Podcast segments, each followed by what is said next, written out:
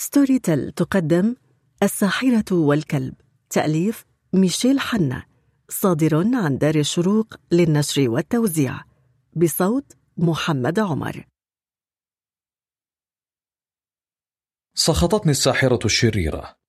حولتني إلى كلب. حدث هذا بعد مرض والدتي بقليل. بعد أن كشفت محاولاتها المستمرة لإغواء أبي وإيقاعه في حبائلها. حاولت تحذير أبي منها مرارا. حاولت صدها وإبعادها عن منزلنا لكنها لم تكتفي بل وهددتني بتحويلها إياي إلى كلب بلدي. إذا لم أرتدع وأبتعد عن طريقها وأنا لم أرتدع ولم أتراجع. ولم أصدق أنها قادرة على هذا حتى نفذت تهديدها وألقت بتعويذتها. وحصل ما حصل. لطالما كنت أشك في مدام سونيا جارتنا كنت أشك في كونها ساحرة. نعم لقد كانت ساحرة. أما أنا فصرت كلبا. كنا أسرة عادية قبل أن تعصف بنا هذه الأحداث.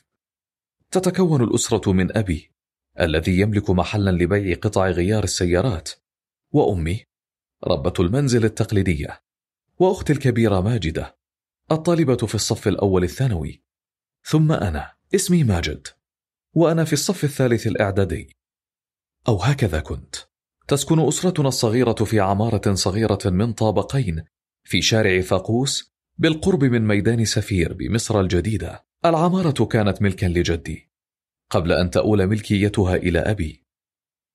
نحن نسكن في الطابق العلوي بينما محل أبي يقع في الطابق الأرضي من نفس العمارة.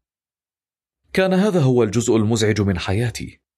فكل تفاصيلها تحت رقابة أبي الذي لا يخرج من الشقة إلا لينزل إلى المحل ولا يخرج من المحل إلا ليصعد إلى الشقة وبهذا فهو يراقب دخولنا وخروجنا ليلا ونهارا. أبي رجل دائم التجهم دائم العصبية يؤنبنا ويعاقبنا على أتفه سبب وأحيانا بلا سبب سوى لأن مزاجه متعكر أو لأن تجارته لا تسير كما يجب. وعقوباته تتضمن دائما حرمانا من كل ما يمكن أن يمثل إحدى متع الدنيا. كالمصروف الإنترنت لقاء الأصدقاء الخروج من المنزل الاستماع إلى الموسيقى أو أي شيء آخر يمكن أن يساهم في جعل الحياة أقل مللا وأكثر احتمالا. طوال الوقت يحثنا على الجلوس للاستذكار. ولا يسمح لنا بممارسة أي شيء آخر حتى ولو كان مشاهدة التلفزيون. والمذاكرة لا تنتهي أبدا. وأنا لست مهتما بمسألة المذاكرة هذه على الإطلاق. ما فائدة التفوق في دولة هي الأخيرة على العالم في مسألة التعليم؟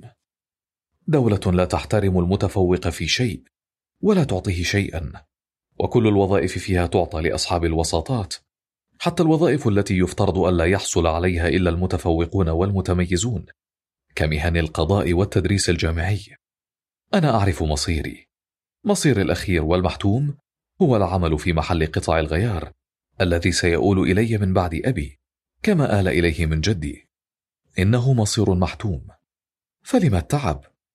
ومع أنني أعرف مصيري ومع أن أبي يعرفه أيضا إلا أنه لا يتوقف ليلا ونهارا عن تقريعي بسبب درجاتي السيئة.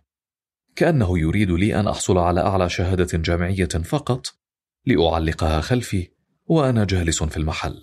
شهادة لمجرد الفخر الطبقي بلا أي فائدة حقيقية. أي عبث لا توجد في حياتي أي متع سوى متعة القراءة. أحيانا أغرق في القراءة لساعات دون أن أشعر. أهرب إليها وفيها من واقع الممل. أقرأ في كل المجالات. وكل ما يمكن أن يثير اهتمامي. مزية قراءة الكتب هي أنها عمل هادئ لا يصدر صوتا ومن الصعب اكتشافه. أنا جالس في غرفتي لأقرأ بينما هم يعتقدون أنني أستذكر. عشرات الكتب قرأتها في وقت الاستذكار والتي بسببها أستطيع أن أزعم أنني مثقف. لدي تابلت مقاس سبع بوصات حصلت عليه في أحد أعياد ميلادي. أقوم بتنزيل الكتب دون أن أتكلف شيئا. أضع التابلت بين دفتي الكتاب المدرسي وأقرأ. قرأت أعمالا عبقرية براقة لامعة على الشاشة وهي مدسوسة بين دفتي كتب مدرسية سخيفة وبليدة وسيئة اللغة. تحوي كلاما مضحكا وساذجا لا يصلح للتعليم في هذا القرن الذي أصبح بإمكاننا فيه الحصول على أحدث المعارف عن طريق ضغطة زر. كان هذا التناقض الصارخ يثير شجوني على أحوالنا غير القابلة للإصلاح. تدفعني القراءة إلى عوالم أخرى وبسببها تنتابني الخيالات وأحلام اليقظة فأستغرق فيها وأنجرف معها لساعات دون أن أشعر. وقد يستغرق مني الأمر بعض الوقت حتى أستفيق وأتقبل العودة إلى واقع الممل والكئيب. أحيانا أشعر نحو أبي بكره شديد إلا أنني أحاول دائما أن أكبح هذا الشعور. يدفعني إلى هذا بعض الوازع الديني الذي يحضني على إكرام الوالدين. لولا هذا فلا أعتقد أنني كنت سأستطيع أو ربما كنت لن أحاول حتى. كبت شعور الكراهية هذا. تتلخص حياتي في الذهاب إلى المدرسة والعودة منها والاستذكار طيلة فترة ما بعد الظهر وحتى النوم.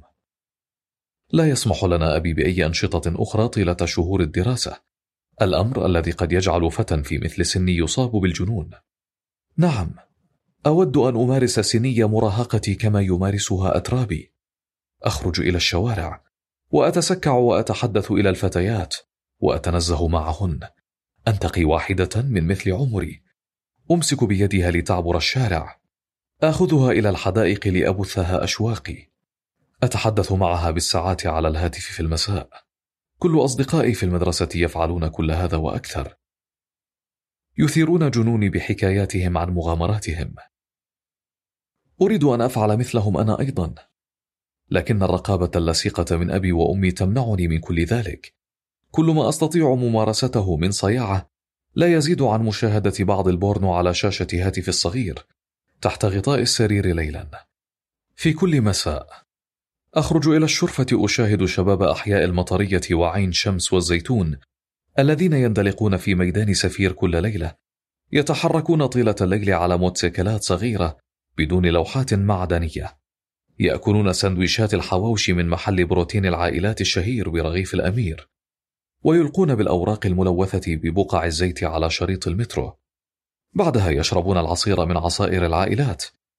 ويظلون رائحين غادين إلى وقت متأخر من الليل. بعضهم يتحرك في شلل من شخصين أو ثلاثة أو أكثر. ومن هو أكثر حظا وصياعة منهم يأتي ومعه المزة. يأكل معها الحواوشي على محطة المترو ويظلان ملتصقين متشابكي الكفين حتى يأتي وقت العودة إلى المنزل. الثنائيات مختلفة الجنس ترحل مبكرا لأن البنات لا يستطيعن التأخر ليلا دون أن يتعرضن لمشاكل مع آبائهن. أما الشلل الذكورية فتظل تتجول حتى وقت متأخر وأحيانا حتى الفجر في ليالي الصيف الحارة. كلما شاهدت هذه المشاهد من الشرفة احترقت غيظا من أبي وأمي. بداخلي شوق مكبوت إلى الشوارع وحياة الشوارع ومتعها اللامحدودة محبوس هنا في القفص كحيوان أليف. سيأتي يوم أكسر فيه هذا القفص وأهيم في الشوارع كما أريد وأشتهي أنا واثق من هذا. وإلا فجنوني سيكون قريبا. لقد كبرت وبلغت وتغيرت أفكاري واحتياجاتي بل جسدي نفسه تغير وهم لا يفهمون ذلك. وما زالوا يعاملونني باعتبار الطفل البريء مسطح العقل الذي يجب أن يطيع الأوامر بلا مناقشة أو اعتراض. أما عن أختي فحياتها لا تقل مللا. لا أعرف الكثير عن أفكارها فهي لا تصارحني بمشاعرها باعتبار الأخ الأصغر الأبله عديم العقل قليل الرباية كما ينعتني أبي. لكني أشعر بها وأعتقد أنها تعاني من الكبت كما أفعل. إن كل منا له غرفته المستقلة على أي حال. لهذا يغرق كل منا في عالمه الخاص. حتى إننا نادرا ما نتبادل الحديث. يصعد أبي إلى الشقة بعد أن يغلق المحل مساء. يجلس في الصالة يتناول العشاء أمام التلفاز. أبي مغرم ببرامج التوك شو المسائية. وبخاصة البرنامج الذي يقدمه ذلك المذيع المقرف ذو الصوت الحاد والذي يتحدث بطريقة مقززة. والذي لا هواية لديه إلا سب ثورة يناير ونشطاء ثورة يناير الذين خربوا البلد. أبي أيضا يكره ثورة يناير. أمي متذبذبة تكرهها أحيانا وترى أنها كانت ضرورة حتمية أحيانا أخرى لكنها لا تجرؤ أن تعلن آراءها أمام أبي. كان يمكن أن تغير هذه الثورة كل شيء. لقد بلغنا أخيرا لكن قبل أن نمارس طقوس البلوغ أخذونا جميعا لنجري عملية إخصاء جماعي. ينظر أبي إلى الأمور نظرة ضيقة. يناير بالنسبة له كانت خرابا لأن المحل تعرض للسرقة بعد الثورة وخسر مبلغا كبيرا من المال. هكذا تم اختزال الثورة في حدث واحد هو سرقة المحل. معظم الكبار لا يرون لأبعد من أقدامهم. يحب أبي كثيرا كل مذيعي النظام الجدد الذين تخصصوا في سب يناير. والتحقير منها ومن كل ما يمت لها بصلة. يجلس أمام التلفاز يسمع ويهز رأسه مستحسنا. حين يصل إلى البيت ويدخل في هذه الحالة لابد وأن أنسحب إلى غرفتي وأغلقها علي. كي لا يصلني صوت ذلك المذيع الغبي. لكن وبرغم كل الاحتياطات فإن صوته يخترق الأبواب والحيطان ويصلني. الأمر الذي يصيبني بالغثيان أبي يواصل رفع صوت التلفاز باستمرار. لا أدري هل هذا بسبب ضعف سمعه أم أنه يتعمد أن يجعلني أسمع. باعتباري أحد أفراد ذلك الجيل الذي خرب البلد وجعل المحل يسرق. أوصل سماعات الصابوفر بالموبايل وأرفع الصوت وأترك فريق عين يصدح. أريد أن أتحرر. أريد أن أتحرر من كذبك. أنت شديد الرضا عن نفسك. أنا لا أحتاجك. يجب أن أتحرر. يعلم الله. يعلم الله أنني يجب أن أتحرر. أواصل رفع الصوت. فيواصل أبي رفع صوت التلفاز. مباراة بين فريدي ميركوري وذلك المذيع. محسومة مسبقا لصالح ميركوري. لكن ميركوري لا ينتصر فيها انتصارا نهائيا. إذ يقتحم أبي الغرفة صارخا. آمرا إياي أن أطفئ السماعات وأنام. بدأ كل شيء في حياتنا يتغير بمجيء مدام سونيا. لدينا في العمارة شقة فارغة يقوم أبي بتأجيرها بنظام القانون الجديد. يفضل أبي التأجير للشركات التجارية لأن الشركات تكون قادرة على دفع إيجار مرتفع لفترات طويلة وبشكل منتظم. لهذا يرفض أبي دائما تأجير الشقة للأسر كسكن. عندما انتهى عقد إيجار الشركة التي كانت تشغل الشقة هذه المرة فوجئنا بأبي يخبرنا بأن جارة جديدة ستسكن في الشقة المقابلة لنا. هذه هي المرة الأولى منذ تشكل إدراكي ووعي في هذا العالم التي يقوم فيها أبي بتأجير الشقة لتصبح سكنية. طلب منا أبي أن نرحب بمدام سونيا عندما تأتي. في اليوم التالي أتت مدام سونيا في تاكسي تصاحبها سيارة نصف نقل بها حاجياتها. وقفت أتفرج عليها من الشرفة أنا وأختي. إلا أنني لم أستطع أن أتبين سوى أنها امرأة رشيقة ترتدي الأسود. لكن لم تصل لي أي من ملامحها إذ أتت ترتدي قبعة واسعة وهو أمر غير معتاد لدينا في مصر. ما أدهشني وأغضبني أيضا أن أبي خرج إلى الشرفة وأمرنا بأن ننزل لنساعد في حمل أشياء مدام سونيا إلى شقتها. قلت له إن هناك عاملين يقومان بتفريغ العربة وسيقومان بإصعاد الحاجيات. قال لي بأسلوبه الغاضب المعتاد إن العاملين سيحملان الأثاث فقط ولن يساعداها على إصعاد حاجياتها الشخصية الموجودة في التاكسي. مع الكثير من التأنيب بخصوص الرجولة والنخوة وجيل هذه الأيام لمهبب. وأنا قلت في نفسي منذ متى كان أبي يكترث لهذه الأشياء؟ نزلنا. أختي وأنا. لنساعد مدام سونيا. كانت تقف أمام سيارة الأجرة معطية ظهرها لمدخل المنزل. كان انطباعي الأول عنها أنها طويلة أنها أطول من أمي. بل إنها أطول من أبي. التفتت إلينا. وهنا شعرت فورا بشيء من عدم الراحة. لا أستطيع أن أقول إنها ليست جميلة. ربما كانت جميلة جدا أيضا. لا أعرف. فأنا مرتبك للغاية. إنها بيضاء البشرة جدا إلى حد الشحوب. عيناها واسعتان وعميقتان وحولهما كحل أسود كثيف يتناقض بشدة مع لون بشرتها. شعرها فاحم السواد ومسترسل على جانبي وجهها. عيناها سودوان وبنظرتها شيء غريب. لا تعرف هل هو حزن أم سخرية؟ ترددت كثيرا قبل أن أصرح بهذا الخاطر الذي انتابني. لكن إذا نبت لهذه المرأة منقار كمنقار البط لصارت شديدة الشبه بالساحرة سونيا التي كانت تظهر في مجلة ميكي. بادرتنا بالقول دون أن تمد يدها بالسلام. أهلا يا ماجد. أهلا يا ماجدة شكرا على المساعدة. لم يرد أي منا عليها. اتجهنا بصمت إلى السيارة التي كان صندوقها الخلفي ممتلئا بصناديق كرتونية صغيرة مرتبة بعناية. حملت أختي صندوقين وحملت أنا صندوقين. كانا خفيفين إلى حد كبير. صعدت خلف أختي على السلم. كانت شقة مدام سونيا المقابلة لنا مفتوحة الباب. والعاملان يقومان بتركيب إحدى قطع الأثاث في غرفة النوم. وضعت أختي الصندوقين بجوار الحائط بجوار مجموعة من الصناديق المماثلة. يبدو أن عاملي تركيب الأثاث قد سبقانا إلى حمل بعضها. لما فرضت علينا هذه المساعدة إذن؟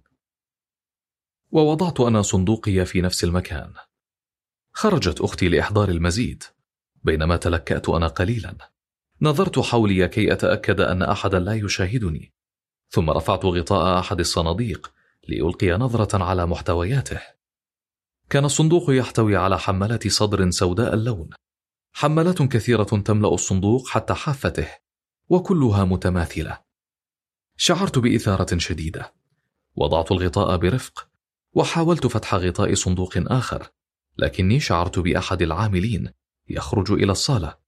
فتركته وخرجت هابطا السلم. قابلت أختي على السلم وكانت صاعدة بصندوقين آخرين.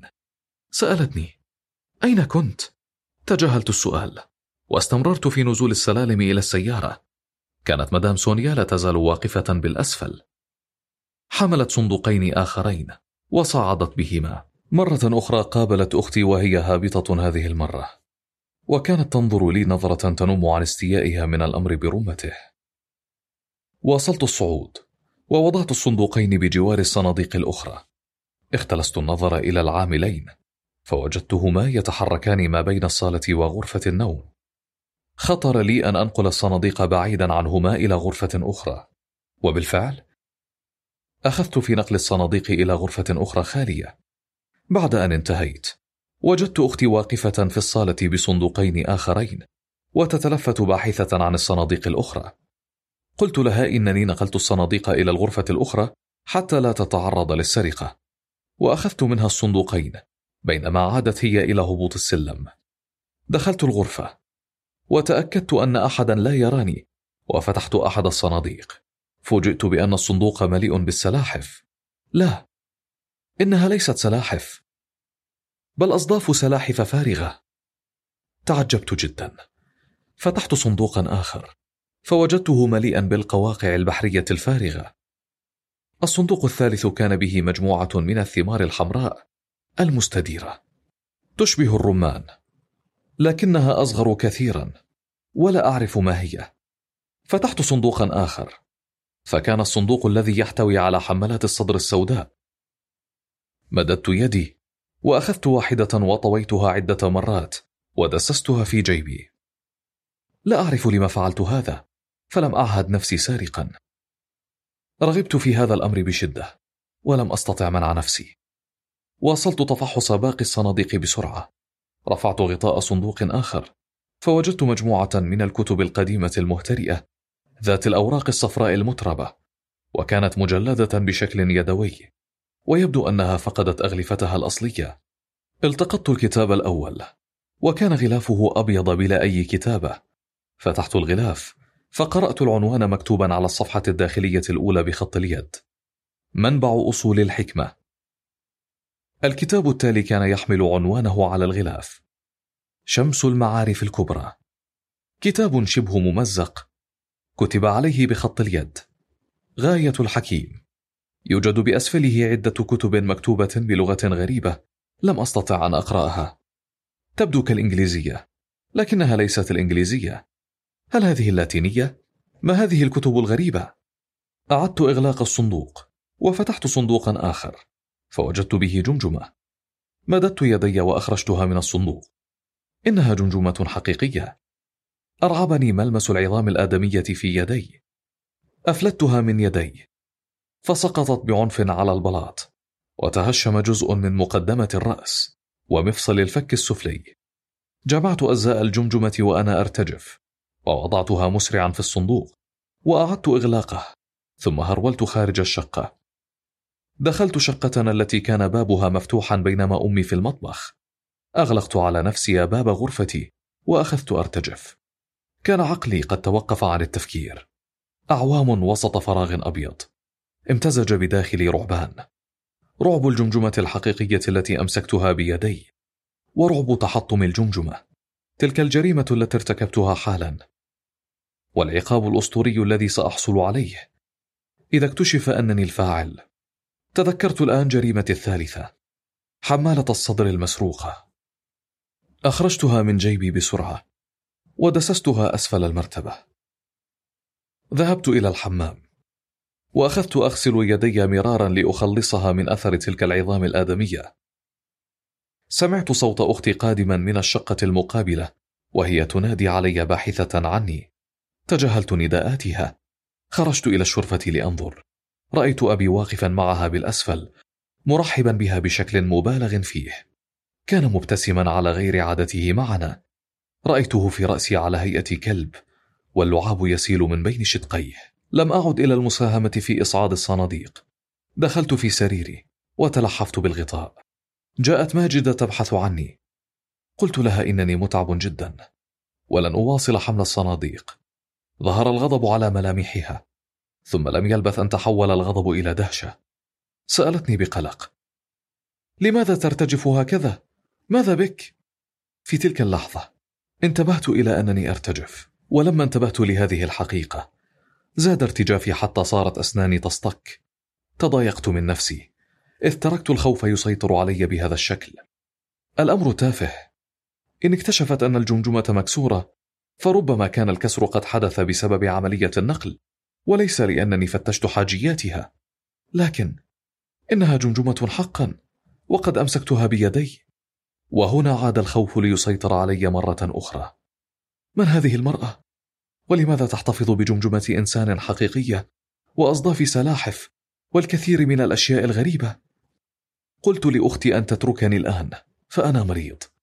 خرجت أختي لتدخل أمي. وبعد الكثير من الما بك ولا شيء. اقتنعت أخيرا أن تتركني وشأني لأنام قليلا على أمل أن أتحسن عندما أستيقظ. بالطبع لم أستطع النوم بل لم أحاول أن أفعل. قمت من السرير وأخذت بمراقبة الأمر من النافذة. كان العاملان يساعدان في إصعاد الصناديق. وقد بدأ أن المهمة أوشكت على الاكتمال.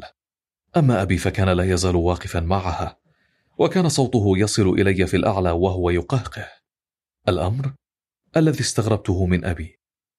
إن أبي ليس إحدى شخصيات نجيب محفوظ مزدوجة الشخصية. المتحفظ القاسي على أهل بيته. المنفلت أخلاقيا خارجه. فهو متجهم طوال الوقت داخل البيت وخارجه. أو هذا ما كنت أظنه فيه. فلربما كان له وجه آخر لا أعرفه. في اليوم التالي كانت مدام سونيا مدعوة لدينا على الغداء على سبيل الترحاب بالجارة الجديدة.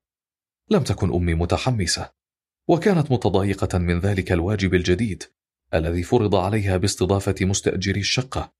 الأمر الذي لم يكن مفروضا عليها عندما كانت الشقة تؤجر للشركات التجارية. لكنها لم تكن لتخالف أوامر أبي وفرماناته أما أنا فكنت خائفا جدا من هذا اللقاء. ولا أعرف لما كنت أشعر بأنها ستكتشف مسألة حمالة الصدر التي سرقتها بمجرد أن تنظر إلى وجهي. أعدت أمي عدة أصناف من الطعام وقد حدد الموعد المرتقب في وقت عودتنا أختي وأنا من المدرسة. عدت من المدرسة لأجد أن أختي سبقتني ووصلت قبلي وكانت أمي قد بدأت في ترتيب المائدة ووضع الأطباق. وجدت أبي في المنزل هو أيضا. ورأيته يساعد. يساعد أمي على غير عادته. غسلت وجهي. وغيرت الزي المدرسي بآخر مناسب. وجلست أنتظر. إن سونيا تسكن في الشقة المقابلة. وليس هناك ما يدعو إلى التأخير. إلا إذا كانت من النوع الذي يقضي نصف اليوم أمام المرآة. لحسن الحظ. لم يطل الانتظار. فقد دق جرس الباب. طلب مني أبي أن أفتح. فتحت الباب. وكانت مدام سونيا بالفعل هي الطارقة. تسمرت في مكاني وأخذ قلبي يدق بعنف. كان شكلها مختلفا مع المكياج الثقيل الذي تضعه والذي جعل وجهها أكثر شحوبا وشفتيها أكثر حمرة. بينما منح الكحل الأسود الثقيل عينيها أعماقا أخرى. وكالأمس ارتدت فستانا أسود لكنه فستان قصير جدا لا يكاد يغطي ربع فخذيها. وأنا كنت أقف أمام الباب قريبا منها. أنا قصير القامة مقارنة بها. فكان وجهي في مواجهة صدرها وكان الفستان قصيرا أيضا من أعلى إذا صح هذا الوصف. وهو وصف عبثي بالطبع لكني لا أعرف كيف يمكن أن أصف الأمر. استطعت أن أميز طرف حمالة الصدر السوداء وهي تبرز أعلى الفستان وكانت مطابقة للحمالة التي سرقتها. وتوجد الآن أسفل مرتبتي. بالونتان مملوءتان بالماء تبرزان أعلى صدر الفستان تهتزان وتتموجان مع أقل حركة تكوران وفيران بديعان قادران على إصابة من يراهما بالجنون المطبق. ألن تدعني أدخل؟ سألتني فرفعت عيني إلى عينيها وقد أخجلتني أنني انتبهت فجأة إلى أنني أطلت التحديق في صدرها. أفسحت لها الطريق دون أن أتكلم. كان قلبي لا يزال يدق بعنف. وقد خشيت إن تكلمت أن يخرج صوتي مهزوزا. كانت تحمل في يدها علبة شوكولاتة أنيقة سوداء وضعتها على الكونسول المجاور للباب ثم دلفت إلى الداخل. كنت أنظر إليها من أسفل وكان بريق مصباح النجفة الآتي من خلفها يصنع هالة براقة حول شعرها. بدت لي كقديسة خارجة من أيقونة أو لعلها ملكة ملكة قديسة. لكن هذه الصورة لا تتفق مع ملابسها الفاضحة. حسنا. إنها شيطانة متنكرة في شكل ملكة قديسة لها هالة حول رأسها. دلفت مدام سونيا إلى الصالة. فاندفع أبي يسلم عليها ويرحب بها. أما أنا فكنت واقفا خلفها أحدق في ساقيها وفخذيها. نظرت إلي أمي. فرأيت أعتى علامات الاستنكار على وجهها. أما أختي فكان فمها مفتوحا فيما يشبه الذهول التام. سلمتا عليها فيما يشبه الوجوم ثم دعاها أبي إلى الجلوس في الصالون. جلست وهي تشد طرف الفستان خلف فخذيها ثم وضعت ساقا على ساق. وبينما تفعل هيئ لي أنني رأيت سروالها الداخلي. كانت انفعالاتي الداخلية قد بلغت مداها وشعرت بخذلان تام. وارتميت جالسا على أحد الكراسي. لعل هذه الانفعالات لها ما يبررها. أنا ما زلت في الخامسة عشرة وهذه هي المرة الأولى التي أرى فيها كل هذا اللحم الأنثوي الباهر رأي العين وبكل هذا القرب. أحاول أن أبرر لنفسي ما أنا فيه. قراءاتي القديمة تخبرني أن هذا شيء طبيعي فما زلت صغيرا. لا لقد كبرت وكل هذا بسبب أنني كبرت وصرت أنظر إلى كل شيء بطريقة مختلفة.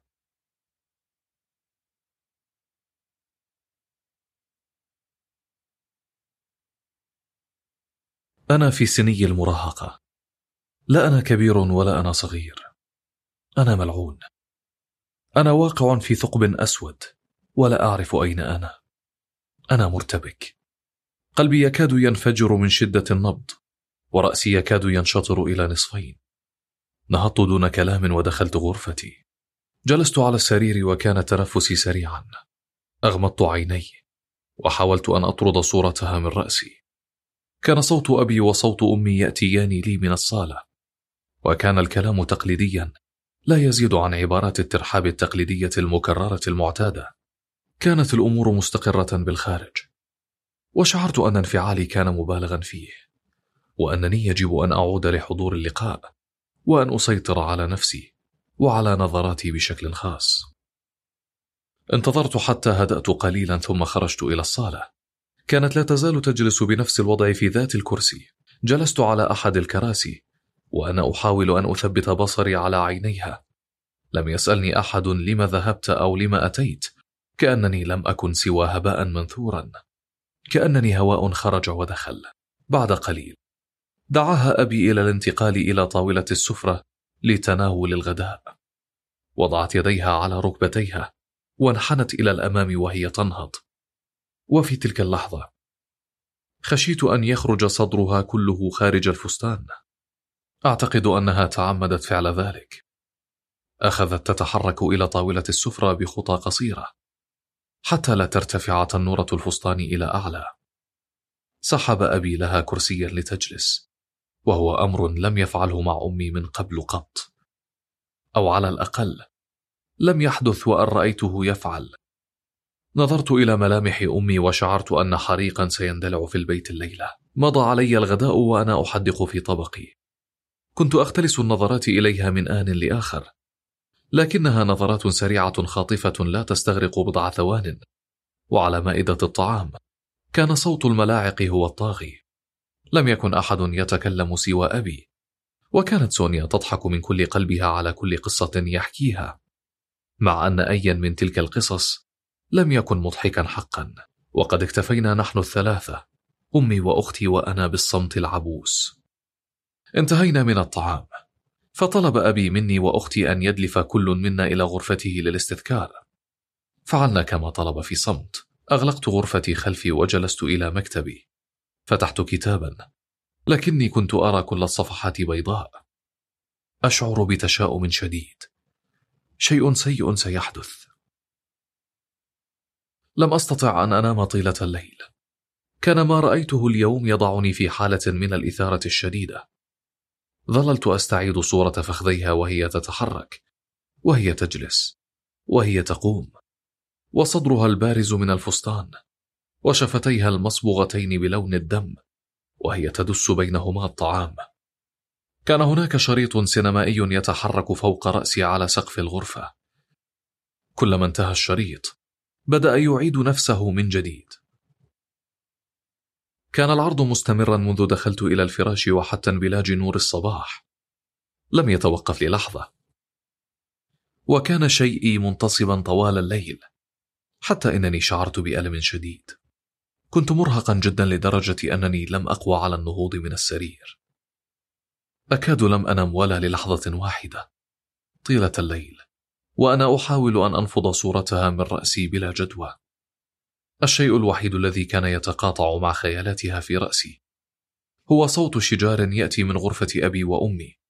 ولا يحتاج الأمر إلى كثير من الذكاء لأستنتج أن للشجار لا بد وأن له علاقة بها. كان يجب أن أنهض للذهاب إلى المدرسة. أجبرت نفسي على النهوض وخرجت من الغرفة. اختلست النظر داخل غرفة أبي وأمي من فرجة الباب المفتوح. كانت أمي راقدة على ظهرها على السرير وعلى رأسها كمادات وأبي جالس إلى جوارها. دخلت عليهما الغرفة مندهشا. لقد كانت بصحة جيدة قبل أن نذهب للنوم. ماذا بك يا أمي؟ رد علي أبي. إنها مريضة جدا ألا ترى؟ أم أنك فقدت البصر أيضا؟ ألا يكفيك عقلك المفقود؟ نفس أسلوبه المتهكم المقيت الذي يجعلني أكرهه قالت أمي لا تقلق حرارتي مرتفعة قليلا اذهب أنت إلى مدرستك ألا تحتاجين إلى أي شيء؟ لا تشغل بالك اذهب أنت حتى لا تتأخر تركتهما وخرجت ذهبت لارتداء ملابس المدرسة وخرجت من غرفتي لأجد أن أختي قد سبقتني إلى باب المنزل على الكونسول المجاور للباب. رأيت علبة الشوكولاتة السوداء التي أحضرتها مدام سونيا. كانت فريغة تماما لم يتركوا لي شيئا لكن لم أعلق. بل ولم أكن أرغب فيها. نزلنا معا مدرستان قريبتان ونذهب إليهما مشيا. سرنا معا قليلا ثم افترقنا. لم نتحدث أثناء المشي. ونحن نادرا ما نتحدث أصلا. كلانا في سن المراهقة. ومن النادر أن تكون علاقة الإخوة معا جيدة في هذه السن. أو ربما هذا هو ما أعتقده. فليس من الصواب أن أعمم. نحن دائما نتشاجر. على أتفه الأسباب. وآراؤنا متضادة حول كل شيء. لذا وجدنا أن أفضل ما نفعله هو ألا نتعامل مع بعضنا البعض من الأصل. أنا أخوها. وهي أختي ونحن نسكن في بيت واحد ولنا أب واحد وأم واحدة.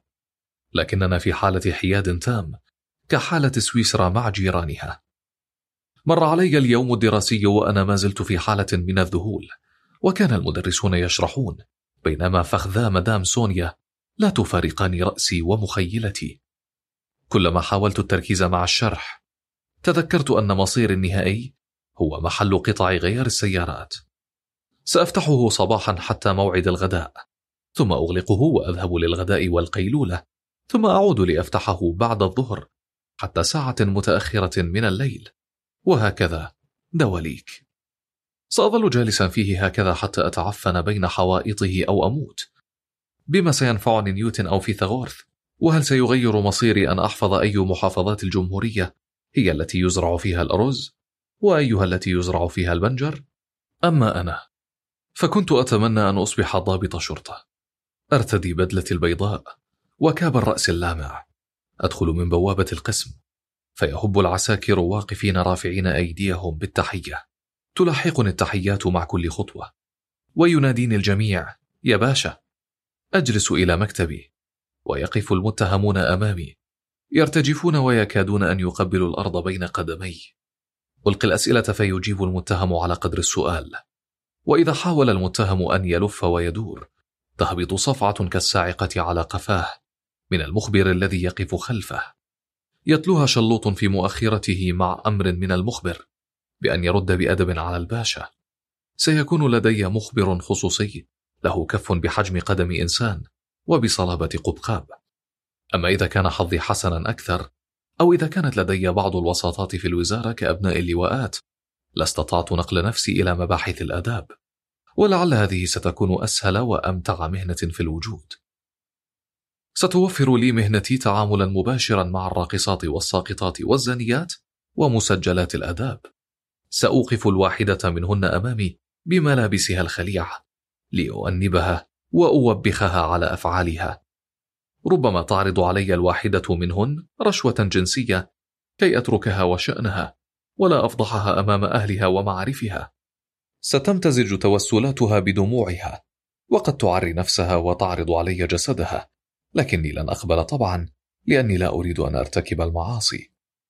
هناك أيضا المتعة الكبرى عند اقتحام بيوت الدعارة. سأعطي تعليماتي عندها بإطفاء صوت سارينات سيارات الشرطة كي لا ينتبه المذنبون فيهربوا عند سماع السارينات كما يحدث في الأفلام. سنتحرك في صمت تام وسنطرق الأبواب كزبائن عاديين وعندما يفتحون ستقتحم القوة الأمنية الشقة تحت قيادتي وتوجيهاتي. سندخلها غرفة بعد أخرى فينتفض الزناة من الأسرة ويحاولون ستر عوراتهم بأي شيء بينما يتحول صراخ البنات إلى سارينات. سأوقفهم أمام عراة في منتصف الغرفة لإثبات الحالة وكتابة المحضر. وستكون الفتاة منهن في حيرة شديدة بين إخفاء ثدييها أو فرجها أو مؤخرتها وستتمنى الواحدة منهن لو كان لديها أربع أذرع لتتمكن من ذلك. سأكتب كل التفاصيل في المحضر وسأجمع الأدلة بنفسي وأتحفظ على الملابس الداخلية. سينهال المخبرون عليهم ضربا وصفعا ليتأدبوا وسأتركهم يتحرشون بالساقطات العاريات فهن يستحققن ذلك. أما أنا فسأكتفي بإثبات الحالة وتحقيق العدالة. بعد المحضر سنقوم بلف المتهمين في ملاءات ونقوم بقيادتهم حفاة لنزول السلالم وركوب البوكس. وسأجعل البوكس يقف في آخر الشارع حتى أعطي الناس فرصة للفرجة عليهم ليكونوا عبرة لمن لا يعتبر. ثم نتوجه إلى القسم حيث تنتظرهم هناك حفلة أخرى من الضرب والتحرش. كل هذا قد يحدث لو كان هناك عدل في العالم وكانت هناك فرص متساوية أمام الجميع. لكن في حالة البائسة فإن ذلك المحل الملعون. ينتظرني ليلتهم ما سيتبقى من حياتي. البعض يحقق العدالة ويعاقب الساقطات والبعض يقبع مدفونا بين قطع الغيار. ولا يتعامل سوى مع عمال ورش الصيانة الغارقين في العرق والشحوم. هل هذا عدل؟ وكيف إذا يمكن تحقيق العدل في هذا العالم؟ لا أعرف كيف انتهى بي اليوم الدراسي أخيرا. عدت إلى المنزل وقبل أن أصعد لمحت أبي في متجره أسفل العمارة. فكرت أن أمي لابد أنها قد تحسنت مما جعله يتركها وينزل. صعدت إلى الشقة وفتحت الباب.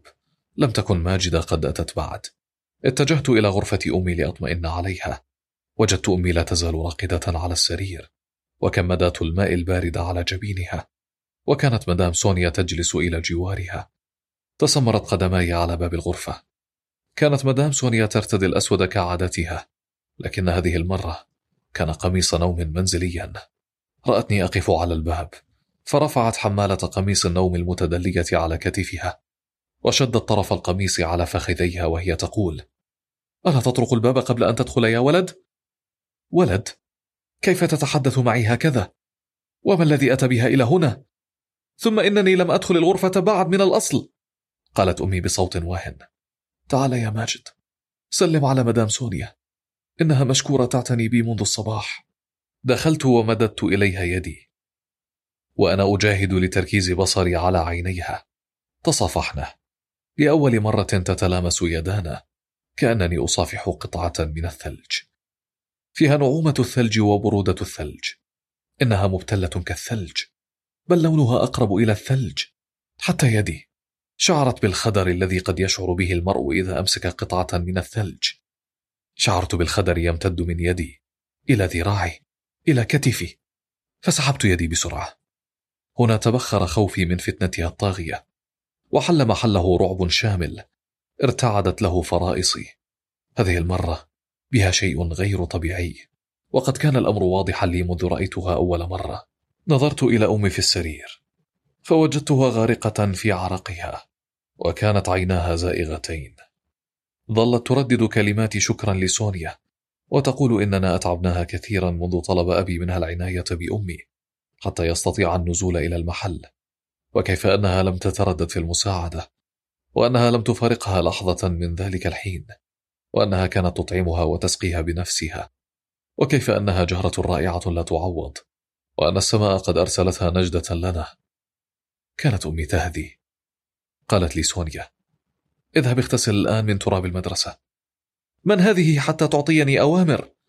تجاهلتها وتحسست جبين أمي كان باردا كالثلج ومع ذلك كان جسمها ينضح بالعرق هل هذا طبيعي؟ ألم أقل لك أن تذهب لتغتسل؟ هنا بدأت أشعر بالغضب فعلا كنت أريد أن أرد عليها ردا حادا يوقفها عند حدها. لكن منظر قميص نومها الأسود منعني. لقد جعلني أضطرب قليلا. ففضلت السكوت. تركتهما وخرجت. نزلت إلى أبي في المحل.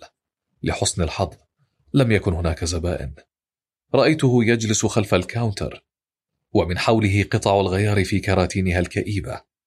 وملأت أنفي رائحة المحل التي أكرهها. والتي هي مزيج من رائحة الصدأ والغبار. أمي مريضة جدا يا أبي. نظر إلي قليلا. وقد شعرت لوهلة أنه استغرق وقتا كي يستوعب أنني ابنه وأنني أتحدث إليه. ربما لديه حق. فأنا لا أدخل المحل إلا نادرا جدا كما أنني دائما ما أتجنب الحديث معه. لابد أنه استغربني. رد أخيرا. وقد أحنقتني اللامبالاة التي يتحدث بها. لا تقلق إن مدام سونيا تعتني بها. إن جسمها بارد كالثلج كما أنني لا أثق في سونيا هذه. ثم ما الذي أتى بهذه المرأة إلى المنزل؟ ولد. لا تتحدث عنها هكذا. اسمها مدام سونيا. ألم تتعلم بعض الأخلاق في مدرستك؟ ليس هذا وقت تعليم الأخلاق الحميدة. أقول لك إنها مريضة جدا. أنا الذي طلبت من مدام سونيا أن تعتني بها. اذهب أنت. لتستذكر شيئا ينفعك. صرخت فيه وكان مجرد الإتيان بسيرة المذاكرة. قد جعل دمي يغلي. اصعد معي الآن حالا! نظر إلي باستغراب ويبدو أنه أدرك فجأة أنني كبرت. أنا أيضا أخذت أنظر إليه وربما لأول مرة. أدرك أنه يشبهني كثيرا أو ربما أنا الذي أشبهه. إذا ازداد طولي قليلا وأبيض نصف شعري وأضيفت بعض التجاعيد إلى جبهتي. لصرت هو. وكأنني قفزت ثلاثين عاما في المستقبل. رأيت نفسي جالسا مكانه. أمتلك نفس الشكل ونفس الملامح ونفس الهيئة. أجلس على نفس الكرسي في نفس المحل وحولي نفس البضائع وكان الكاونتر أمامي ملوثا بنفس الشحوم. والمحل يعبق بنفس الرائحة. وتمنيت ألا تتحقق أبدا هذه الرؤية. دون أن يتكلم. قام وأطفأ النور وخرجنا معا ليغلق المحل ثم صعدنا معا إلى المنزل. وفي المنزل وجدنا أمي جالسة مبتسمة على كنبة الصالون وأمامها مدام سونيا التي شدت قميص النوم على فخذيها عندما رأتنا وكان أمامهما فنجانان من القهوة. تنحنح أبي ونظر إلى الأرض عندما شدت سونيا قميصها وقد كان هذا فعلا غير ذا معنى. فلم ندخل إلا إلى بيتنا على أي حال. كما أن هذه المرأة لا تخجل أصلا. اتجه أبي إلى أمي وسألها إن كانت على ما يرام. لم تكن يوما أفضل من اليوم. كانت مدام سونيا هي التي تطوعت بالرد بينما احتفظت أمي بابتسامة بلاستيكية غريبة على وجهها. شكرها أبي لعنايتها بأمي في غيابه. ثم التفت لي وقد عاد إليه غضبه القديم. وتجهمه المعروف وأمرني بالدخول إلى حجرتي للاستذكار والالتفات إلى مستقبلي ثم خرج وأغلق الباب. بمجرد أن خرج أبي حتى تهاوت أمي على الأريكة تلاشت ابتسامتها في لحظة ومال رأسها إلى الأمام ليستند ذقنها على صدرها كأن شيئا ما كان يضم أجزاء جسدها معا ويحافظ على تماسكها ثم غادرها فجأة. هببت أتفقدها وتحسست جبينها فوجدت حرارتها مرتفعة. لم تكن تتكلم أو تبدي أي ردود أفعال. خائف على ماما يا روح ماما؟ اتركها لتنام قليلا فهي متعبة. إنها تلعب معي لعبة نفسية قذرة. تعرف حالة التمرد ضد الأبوين التي يكون فيها المراهق في مثل سني. تحاول أن تهون الأمر لكنه ليس كذلك. هذه المرأة التي تحتفظ بجماجم بشرية وأشياء غريبة ضمن حاجياتها وترتدي ملابس فاضحة بكل أريحية. تريد إيذاء أمي وأنا لن أسمح لها. قررت تجاهلها وحاولت إفاقة أمي فلم أفلح.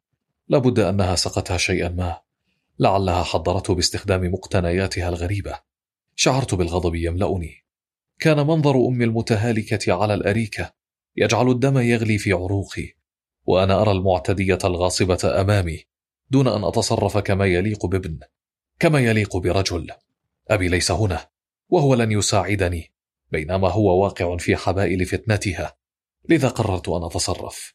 سأطردها من المنزل. مدفوعا بغضبة المفاجئة وشعوري بالمسؤولية. استجمعت شجاعتي وتمالكت نفسي وأنا أنهض نحوها فجأة مشيرا نحو باب الشقة. صائحا بها أن تخرج من البيت. ولد هكذا صاحت بي. وقد عقدت حاجبيها في غضب. مرسلة نظرة نارية. شعرت بها تخترقني.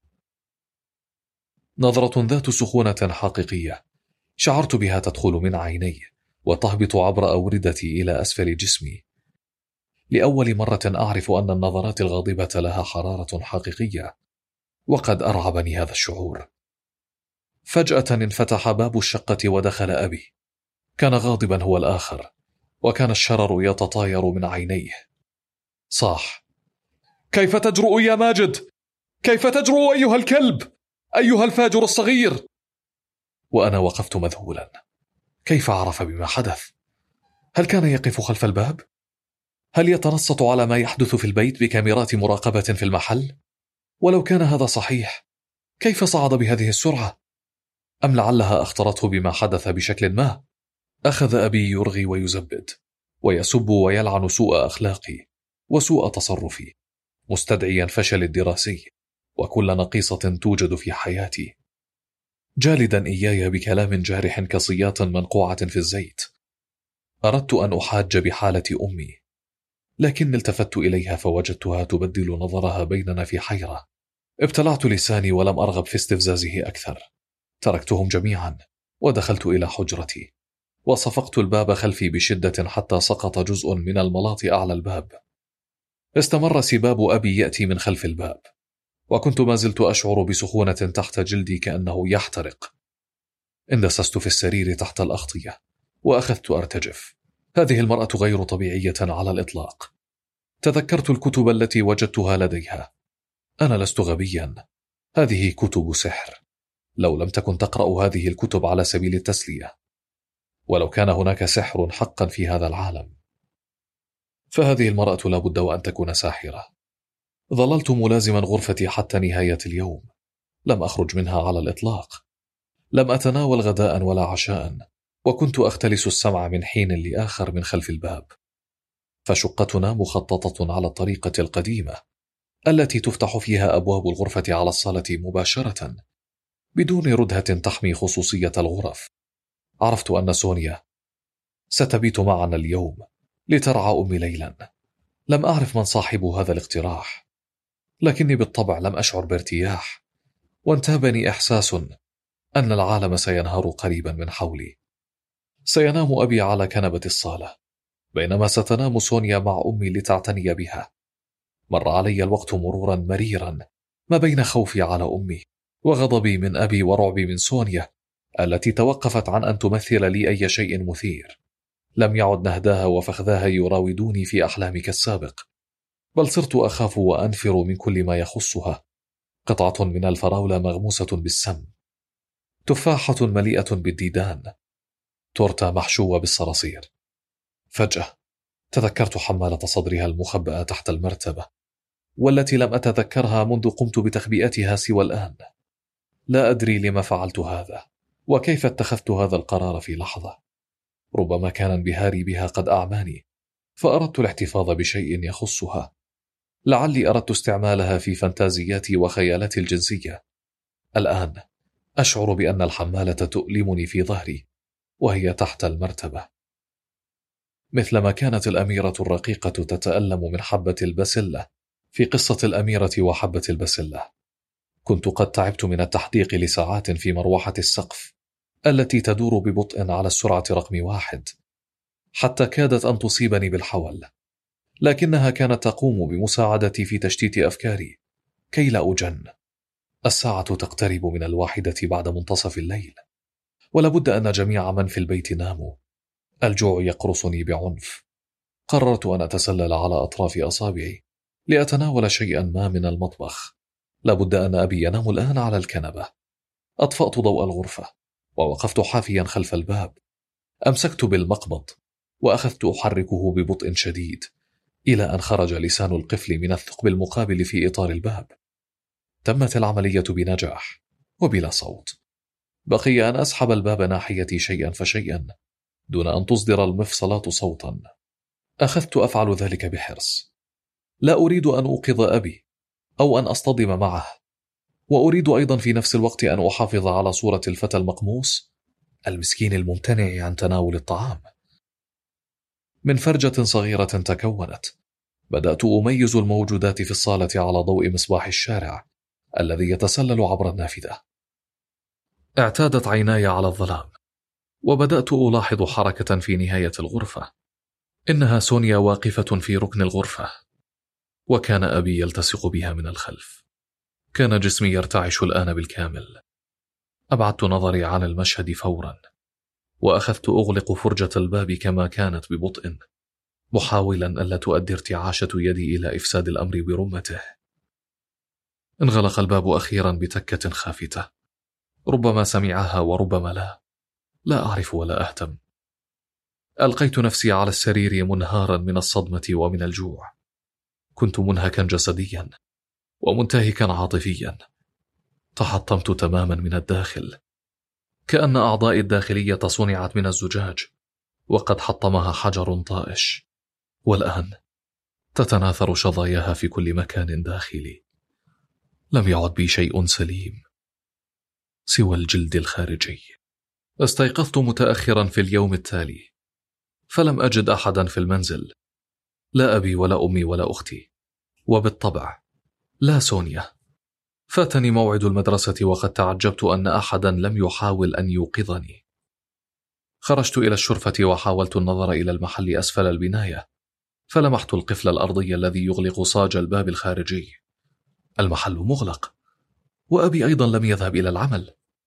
تذكرت المشهد الذي رأيته بالأمس فاقشعر جلدي. هززت رأسي بقوة. كأن هذا يمكن أن يمحوه من ذاكرتي. لم أرد الاتصال بأبي بعد شجارنا أمس وبعد الذي رأيته. لا أدري ماذا أفعل. فتحت الثلاجة لأبحث عن شيء آكله. كنت جائعا جدا. أكلت علبة جبن كاملة مع رغيفين. هذا تقريبا أربعة أضعاف ما آكله بالعادة. لكن الجوع كافر. هناك أيام تكون أسوأ من غيرها. وهناك أيام لا يمكن مقارنتها بأي أيام أخرى من فرط سوءها أمس. كان أحد تلك الأيام. ولدي شعور أن اليوم أيضا سيكون أحدها. أخذت أدور حول نفسي في المنزل. لا أعرف ماذا أفعل. كان القلق ينهشني. لعل أمي ليست بخير. بل أكاد أزم أنها ليست بخير. دائما ما أتوقع الأسوأ. ودائما ما تصدق توقعاتي.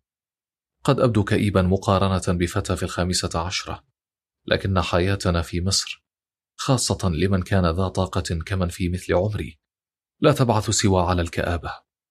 لا توجد أي وسيلة لتصريف الطاقة. مدارسنا بائسة لا نمارس أي نوع من الأنشطة. لا موسيقى لا رياضة لا فنون. كل شيء عدا حفظ الدروس الغبية التي يلقنوننا إياها. هو شيء ثانوي ومهمش وممنوع. إنهم حتى توقفوا عن تلقيننا الدروس في المدارس ويعتمدون على أن الجميع يذهب للدروس الخصوصية. المدارس هي مجرد أماكن للتعذيب بقضاء أوقات مملة وقاسية كالجحيم. ثم مع أب قاس ومتحجر في المنزل مثل أبي تصبح الحياة أسوأ وأسوأ. ما يعزز لدينا هذا الشعور هو الانفتاح الذي صار فيه العالم بعد انتشار الإنترنت. واطلاعنا على الحياة التي يحياها أقراننا في الدول المتقدمة. نحن لسنا أحياء. نحن موتى نمشي ونتحرك على الأرض. ظللت أتحرك في الشقة جيئة وذهابا. لا أدري ماذا أفعل. وكانت الساعة قد اقتربت من الواحدة ظهرا. سمعت صوت مفتاح يتحرك في قفل باب الشقة. ثم انفتح الباب. ودخل منه أبي وسونيا. كانت سونيا تتأبط ذراعه. دخلا فألقى أبي مفاتيحه على الطاولة وعلقت هي حقيبة يدها على مقبض الباب. جلسا على الأنتري كأي زوج وزوجة عادا متعبين من الخارج. أما أنا فوقفت مذهولا. سألت أين أمي؟ رد أبي في المستشفى. ماذا حدث؟ يقول الطبيب إنه هبوط في الدورة الدموية وستظل فترة تحت الملاحظة. كنت أنظر إليهما ودمي يغلي من الداخل حتى صرت أشعر بالحرارة تتصاعد إلى رأسي وبالعرق يتفصد على جبيني. كانت صورتهما معا أمس لا تفارق خيالي. يا لأم المسكينة! ستمكث معنا مدام سونيا لتعتني بك وبأختك إلى أن تتعافى أمك. عاملها مثل أمك تماما ولا تعصي لها أمرا. هذه الساحرة الداعرة. ستحل محل أمي وعلي أن أطيعها ولا أعصي لها أمرا هذه المرأة هي التي أصابت أمي بالمرض لا أعرف كيف لكنني متأكد من هذا صحت لا كنت أرتعش من الغضب كيف تطلب مني أن أطيع هذه المرأة التي سممت أمي؟ وكيف تجرؤ على العودة بها إلى المنزل بينما تترك أمي وحدها في المستشفى؟ ألا تخجل من نفسك؟ ثم التفت إلى سونيا صائحا. اخرجي من المنزل فورا. كان أبي في حالة من الذهول. لم يحدث أن تحدثت معه بهذه الحدة من قبل. لعلي أهنته بكلامي. أخيرا نفض ذهوله ونطق. هل جننت؟ كيف تتحدث بهذا الشكل أيها الكلب؟ اعتذر لمدام سونيا فورا. لن أعتذر لهذه الداعرة. فغر أبي فاه ذاهلا. وبدا في حالة من عدم التصديق وكأنه لا يصدق أن هذا هو ابنه حقا. أما سونيا فلم تحاول التدخل في الحوار وكانت ابتسامة ساخرة تلتمع في عينيها. قلت لك اعتذر فورا! قلت لك لن أفعل! بل وسأخرجها من المنزل بنفسي! هنا هيأ لي أن لون أبي يتغير من شدة الغضب وأنه يمر بطور من التحول. وكأن دكتور جيكل يتحول إلى مستر هايد أو بروس بانر إلى الرجل الأخضر. فك أبي حزام بنطاله وهو يحدق في عيني وأخذ يلف الحزام حول يده حتى أصبح الحزام كالسوط وكان جزءه المعدني يتدلى منه واعدا إياي بضربات مؤلمة. كان وجهه أحمر وعيناه حمراوين والعرق يتصبب من جبينه ويداه ترتعشان حتى أشفقت عليه وشعرت أنه سيصاب بنوبة قلبية. ويسقط ميتا فجأة. لكني أبدا لم أتوقع أن يضربني. توقعت أن يكتفي بالتلويح والتهديد كما يفعل عادة لكنه فجأة اندفع ناحيتي وهوى علي بالجزء المعدني من الحزام. تلقائيا قفزت إلى اليمين متفاديا الضربة. فاصطدمت حلية الحزام بالحائط. صانعة فيه حفرة صغيرة. فزعت من قوة الضربة التي وجهها لي أبي. لم أتخيل للحظة أن يحاول أن يضربني بهذه الشدة. الضربة التالية أصابتني في كتفي اليسرى. كانت حفرة الحائط قد أفقدتني حذري للحظات مما جعلني لا أنتبه للضربة. صرخت من شدة الألم وسقطت على الأرض. هوى بالحزام مرة أخرى لكني تدحرجت على البلاط بسرعة وقفزت خارجا من الغرفة. خرج خلفي وأخذ يضرب بالحزام بشكل عشوائي في كل مكان. حتى إنه حطم جهاز التلفزيون في إحدى ضرباته الطائشة. لقد فقد عقله تماما. كانت ضرباته العنيفة والمجنونة تدوي في أرجاء الشقة. بينما فتحت أنا باب الشقة وهرولت على السلم هاربا إلى الشارع ودموعي تسيل على خدي والألم المبرح ينبض في كتفي. أخذت أهرول حتى خرجت إلى ميدان سفير. نظرت خلفي فلم أجده. لقد جن أبي. لعله يحطم باقي محتويات الشقة الآن. التفت إلى الميدان.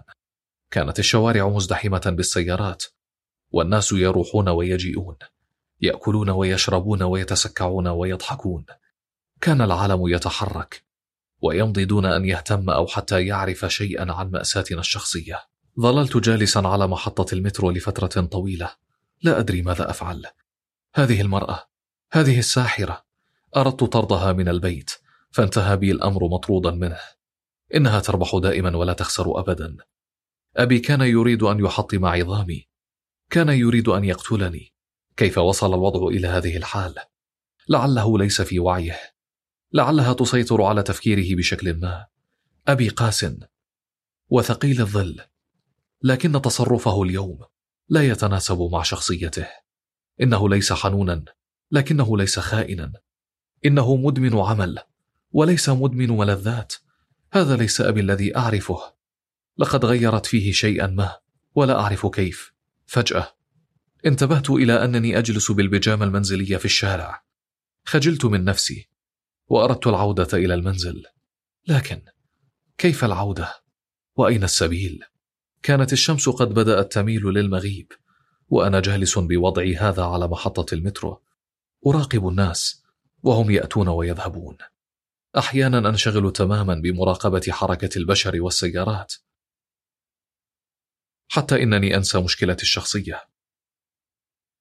أو ربما كنت أتعمد أن أنسى لأن عقلي عاجز عن التفكير.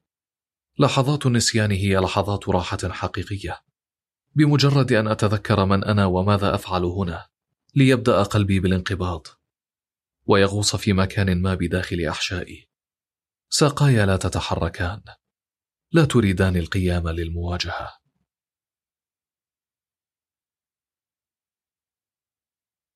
كأنني مشلول. أخاف أن أبادر بتحريك قدمي. فأكتشف أنني مشلول فعلا. لعلي أتمنى أن أصاب بالشلل حتى أهرب من المواجهة. أخيرا أبادر بتحريك قدمي. فتتحركان. وجدت آسفا أنني لم أصب بالشلل. وقد أحزنني هذا. أنهض من مكاني وأستدير قافلا إلى المنزل. أجرجر قدمي. لاعنا حظي الذي يحرمني حتى من حجة أتهرب بها من اتخاذ القرار. لقد صار المستقبل مظلما ولم أعد أعرف أو أفهم ماذا يحدث. ماذا سأفعل الآن؟ عدت إلى البيت كأنني أعود إلى معذبي. كأنني أقول له اضربني أكثر. آسف لأنني لم أسمح لك بأن تضربني بشكل كاف. اضربني وأهني لكن لا تطردني فأنا لا أعرف إلى أين أذهب. رفعت يدي لأطرق الباب لكنه انفتح قبل أن أفعل وكانت مدام سونيا هي التي فتحت واقفة أمام الباب. بادرتني بلهجة جافة. ماذا تريد؟ لم أعرف كيف أرد لكنني قررت أن أرد وقد عاد الغضب إلى التصاعد داخلي. أريد أن أدخل هذا بيتي على أي حال؟ لم يعد لديك بيت هنا. يا لك من صفيق. كيف تجرؤ على العودة إلى هنا بعدما فعلت؟ هذه المرأة تلعب معي لعبة قذرة. بعدما فعلت؟ وماذا فعلت؟ أنا لم أفعل شيئا. تذكرني بمدرس الرياضيات الذي ينسى أن يكلفنا بالواجب ثم يلومنا على عدم أدائه. لمحت أبي من خلف ظهرها. كان يجلس على كرسي الصالون معطيا ظهره للباب. وكان منهمكا في مشاهدة التلفزيون المفتوح على فيلم كرتون قديم. صحت. أبي! لا استجابة على الإطلاق. إنه يشاهد الفيلم بتركيز شديد وكأنه طفل منبهر يرى الملاهي لأول مرة. قلت لك اذهب من هنا الآن وإلا سيحدث لك ما لا تحمد عقباه. لن أذهب. هذا بيتي. اذهب. قبل أن أفضحك أيها اللص الداعر. لص! مدت يدها من خلف ظهرها ورفعت أمامي حمالة صدر سوداء إنها جريمتي الصغيرة التي خبأتها تحت المرتبة والتي كدت أنسى كل شيء عنها شعرت بخجل شديد وهي تلوح بها أمام وجهي والآن ماذا ستقول عنك أمك أيها الفاجر؟ ماذا سيقول عنك أبوك أيها اللص؟ ماذا سيقول معلموك في المدرسة؟ شعرت أنني فأر محاصر في ركن غرفة مغلقة مليئة بالقطط شعرت أن العالم ينهار من حولي. حسنا وأنا سأبلغ الشرطة عنك. سأخبرهم عن الجماجم والعظام البشرية. أيتها أيتها الساحرة؟ ضحكت بصوت عال حسنا ما دمت قد عرفت. سأنذرك مرة أخيرة. لم يعد لك بيت هنا. كل شيء الآن صار في حوزتي. اذهب. ولا تعد إلى هنا مرة أخرى. وإلا أريتك ماذا يمكن للساحرة أن تفعل؟ سأحولك إلى كلب كما كان والدك ينعتك دائما. لا تستطيعين! أنا لست خائفا منك! قلتها وأنا خائف جدا حتى إن صوتي كان يرتعش بشكل واضح. لقد حكمت على نفسك. فجأة رسمت بيدها دائرة في الهواء أمام وجهي وهي تتلفظ بألفاظ غريبة. لمحت وميضا أخضر غش عيني. في اللحظة التالية رأيت ظلاما دامسا وظننت أنني فقدت البصر. ثم انطلق ألم حاد يطعنني في كل خلاياي. شعرت وكأن ملايين السكاكين الصغيرة تنغرس في كل خلية من جسدي. كل عضلة كل عظمة كل عصب. لحسن الحظ لم تستمر طعنات السكاكين سوى لثانية أو ثانيتين. ثم توقفت. لكني كنت قد انهرت على الأرض من الألم. كأن قطارا مر فوقي وتركني. كانت كل خلية في جسدي ترتعش. وبدأ الظلام ينقشع. لكن كل شيء كان باهتا. استجمعت شجاعتي. ودفعت نفسي بكل قوتي كي أقف ثانية. ورفعت رأسي إليها. فرأيتها قد ارتفعت جدا. وكأنها تقف فوق طاولة. كان وجهي مقابلا لركبتيها. تعجبت جدا. كنت في حالة من عدم التوازن وعدم التصديق. كنت شبه فاقد للإدراك. وكانت كل خلية من خلاياي تصرخ من الإنهاك. تجمع كل الوجع فجأة في رأسي. فصرخت صرخة مريعة ككلب يعوي. ليس ككلب ولكن حقا. كان هذا صوت كلب. الذي خرج من حنجرتي. نظرت إلى أسفل. فإذا بي أرى قائمتي كلب أخذت أرمش مرات عديدة لكن المشهد لم يتغير. وكانت لا تزال تقف أمامي بردائها القصير وهي تبتسم بتهكم. كان رعب الدنيا ينسكب من عيني وأنا أحدق فيها من أسفل. أنا كلب؟ سبتني سبة بذيئة. وركلتني بحذائها في وجهي. عويت في ألم. صرخت بي. امشي من هنا! اندفعت إلى السلم. فتعثرت فيما بدا لي أنها الملابس التي كنت أرتديها وكانت مكومة أسفلي على الأرض. اصطدم رأسي بالحائط.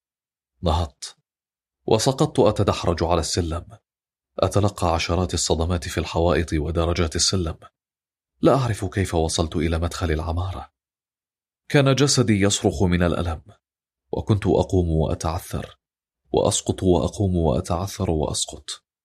هكذا بلا نهاية. أدركت أنني غير معتاد على طريقة حركة الكلب وأنني صرت كطفل يحتاج إلى أن يتعلم المشي.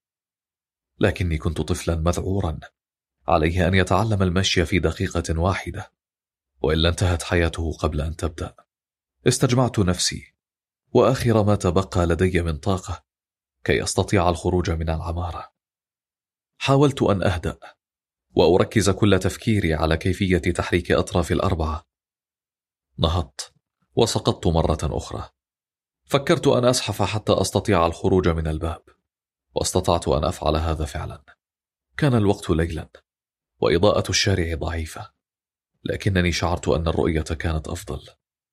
خفت أن أنزل إلى الشارع فتصدمني سيارة وأموت كالكلب. لم أدري ماذا أفعل أو أين أذهب؟ مطرودا من بيت أبي وجدي.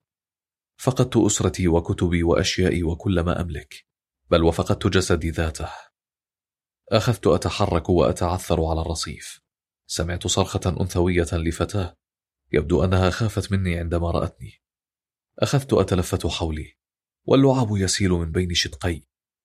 أتحرك بلا هدف. تذكرت الفيلا الصغيرة المهجورة في شارع أجل قريب من هنا. أخذت أتحرك بحرص حتى وصلت إليها. دخلت إلى الحديقة من بين قوائم البوابة الحديدية.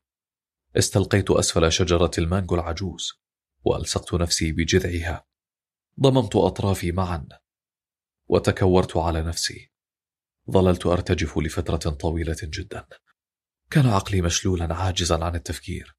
شعرت بدموع ساخنة تسيل من عيني ولم أكن أعرف أن الكلاب تبكي. استيقظت من النوم. كان الوقت فجرا. والموجودات ما زالت تميل إلى الأزرق. وجدت أنني ما زلت في حديقة الفيلا المهجورة. يبدو أنني نمت دون أن أشعر. كنت ما زلت كلبا. ظللت أقاوم تصديق هذه الحقيقة لفترة طويلة. لا أستطيع أن أصدق. حقا لا أستطيع أن أصدق. تمنيت لو أنه كان كابوسا وسينتهي عند الاستيقاظ لكنه لم يكن كذلك. ها أنا ذا أنظر إلى العالم من منظور سفلي. ها هي ذي أقدامي. ها هي ذي مخالبي. ها هو ذا ذيلي. يهتز خلفي. ها هو ذا لساني يتدلى وأنا ألهث. كنت أظن أن الكلاب ترى باللونين. الأبيض والأسود. كنت قد قرأت هذه المعلومة في إحدى مجلات الأطفال قديما. لكن ها أنا ذا أكتشف أنها معلومة خاطئة. يمكنني أن أميز الألوان لكنها تبدو لي أبهت من المعتاد. وجدت أنني لا أستطيع رؤية الأحمر على الإطلاق. أما الأخضر فكان يميل إلى الرمادي. أخذت أتلفت حولي. كنت في عالم من الأزرق والأصفر والبني والرمادي. كانت هذه الرؤية المختلفة وربما المشوهة للعالم تصيبني بالصداع. هذه حقيقة أخرى. الكلاب تصاب بالصداع. إضافة إلى الصداع فقد كنت جائعا. كنت جائعا جدا. لا أتذكر متى أكلت آخر مرة. أقصد عندما كنت إنسانا. فلم آكل من قبل وأنا كلب. والآن ماذا سأفعل؟ كيف سأجد طعاما؟ وكيف أسكت هذا الجوع؟ كان كل تفكيري ينحصر الآن في إسكات الجوع. لاحظت أن قلقي من مأساة تحولي إلى كلب يقل ويتضاءل أمام مشكلة الطعام. غريزة الجوع. الحاجات الأساسية. توارى كل شيء في مؤخرة رأسي ولم أعد أفكر سوى في الحصول على الطعام. كنت ما زلت في مرحلة تعلم المشي. كالطفل يجرب ويخطئ ويقع كثيرا. لكن لم يكن هناك من يسندني. نهضت. وقررت التدرب على المشي أولا في حديقة الفيلا قبل أن أخاطر بالخروج. كان تحريك أطراف الأربعة في نفس الوقت يربكني. لا أعرف ما هي الطريقة المثلى لمزامنة حركة الأرجل الأربعة. هل أحرك الأمامية اليمنى مع الخلفية اليمنى معا؟ ثم الرجلين الآخرين؟ أم أحرك الأمامية اليمنى مع الخلفية اليسرى؟ ثم الأمامية اليسرى مع الخلفية اليمنى. جربت هذا وذاك ولم أتوصل إلى طريقة مثلى ربما علي مراقبة زملائي من الكلاب كي أتعلم. أو ربما كان لكل كلب طريقته الخاصة فلا توجد طريقة صحيحة وأخرى خاطئة. ذكرتني تقلصات معدتي أن علي الآن أن أتحرك للحصول على طعام. لعلي سأتعلم المشي بطريقة صحيحة مع الوقت. كل ما علي الآن هو الحركة بحرص. خرجت من بين قوائم البوابة الحديدية. توجهت نحو ميدان سفير وأنا أفكر في أكوام القمامة التي تتجمع بالقرب من محطة المترو.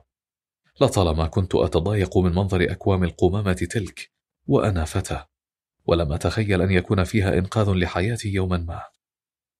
ماذا كنت سأفعل في موقف كهذا؟ لو كنت أعيش في دولة متقدمة تهتم بالنظافة وبصحة سكانها شكرت الأقدار على كل هذه القدارة. خرجت من شارع أجا إلى شارع محمود حافظ. لا أعرف كم الوقت الآن لكني رأيت الزحام أمام الباب المغلق للبنك الأهلي. فتوقعت أن الثامنة والنصف وهي موعد فتح البنك لم تأتي بعد. كان الجو حارا وقد وجدت نفسي ألهث. وقد دلدلت لساني خارج فمي. حاولت الالتزام بالمشي على الرصيف قدر الإمكان. إلى أن خرجت إلى شارع أبي بكر الصديق. كانت فترة الزحام الصباحي والمرور شبه متوقف فعبرت الشارع بسهولة متجها إلى مكان تجميع القمامة أمام محطة المترو. لحسن الحظ أن القمامة كانت متراكمة في مكانها المتوقع وأن عربة جمع القمامة لم تكن قد أتت بعد. أخذت أنبش بين أكوام الأشياء المتراكمة لكنني لم أستطع تبين أي شيء صالح للأكل. كما أن رائحة حواوشي الأمير كانت تطغى على المكان وتسيطر على أفكاري. هذا المكان في المساء يصبح في زحام الحافلات العامة. عشرات من الشباب والفتيات يلتهمون شطائر الحواوشي الرخيصة ويلقون بأغلفتها الورقية على الأرض. كانت الأغلفة الورقية الملوثة بدهون الحواوشي متناثرة في كل مكان ورائحتها تجذبني من أنفي كما يجذب المغناطيس برادة الحديد. أخذت ألوك تلك الأوراق الدهنية متلذذا وكلما انتهيت من مجموعة منها انتقلت إلى أخرى حتى تلك الأوراق الملوثة بآثار دهس الأحذية. لم أقم بتركها. أنا آكل من الأرض؟ وأمضغ أوراقا ملوثة بالدهون والغبار؟ أنا أفعل هذا؟ أكاد أن أصاب بالجنون. ثم هل أستغرب نفسي آكلا من الأرض ككلب؟ وأتوقف عن استغراب كوني صرت كلبا؟ لا أريد أن أفكر في هذا الأمر كثيرا وإلا فقدت عقلي. أسكتت مخلفات الحواوشي جوعي قليلا. رفعت رأسي أتلفت حولي. والآن ماذا؟ قضيت اليوم أتنقل من هنا إلى هناك. أستكشف الشوارع وأستكشف جسدي الجديد. كان أكثر ما يضايقني مسألة الرؤية المحدودة. كنت أرى لمسافات أقل بكثير مما اعتدت. كما أن عمى الألوان زاد الأمر سوءا. المسألة الثانية هي الذيل. كان ذيلي يتحرك من تلقاء نفسه بشكل لا إرادي وكأن له حياة منفصلة خاصة به. ويبدو أن مسألة التحكم في حركته بحاجة إلى تدريب وتعليم لم أحصل عليهما. المسألة الثالثة هي شعوري بالعري. أسير في الشوارع هكذا عاريا. لعل ما كان يضايقني بالأكثر ليس شعور الخزي. فلم يكن هناك ارتباط في ذهني بين جسدي وجسد الكلب. على الأقل لم يكن هذا الارتباط قد تكون حتى الآن. لم أكن أشعر به كجسدي الخاص كي أخجل من عريه وتأرجح خصيتيه وانكشافهما أثناء الحركة أحيانا. أو ثقبه الشرجي حين أجد ذيلي وقد ارتفع إلى أعلى تلقائيا. لكن ما كان يؤرقني هو جلدي المكشوف بالكامل طوال الوقت للشمس والتراب وعوادم السيارات. ثم أرجلي الحافية التي تدوس على قاذورات الشوارع. إنها مسألة هوس النظافة الذي ربيت عليه منذ الصغر. كنت قلقا من أن أعرض جلدي المكشوف وأقدام الحافية للأذى. فينتقل هذا الأذى إلى جسدي الحقيقي عندما أتحول مرة أخرى إلى ولد. هل ما يحدث لجسدي ككلب سينتقل حقا إلى جسد البشري؟ وهل سأعود إلى طبيعتي حقا يوما ما؟ حاولت ألا أفكر كثيرا في هذا الأمر كي لا يتسرب اليأس إلى قلبي. تكفيني همومي الحالية. شعرت بالرغبة في التبول ولم أدري ماذا أفعل. دلفت إلى شارع جانبي هادئ وانزويت خلف إحدى السيارات المصفوفة بحذاء الرصيف وتركت البول ينساب. فوجئت وقد بللت ساقي الخلفيتين. أخذت أنفض ساقي كي أتخلص من البلل. كان يجب أن أرفع إحدى ساقي كما تفعل الكلاب. كيف فاتني هذا؟ ما زال أمامي الكثير جدا لأتعلمه. كانت المهمة الأكثر إثارة أمامي هي استكشاف الشوارع.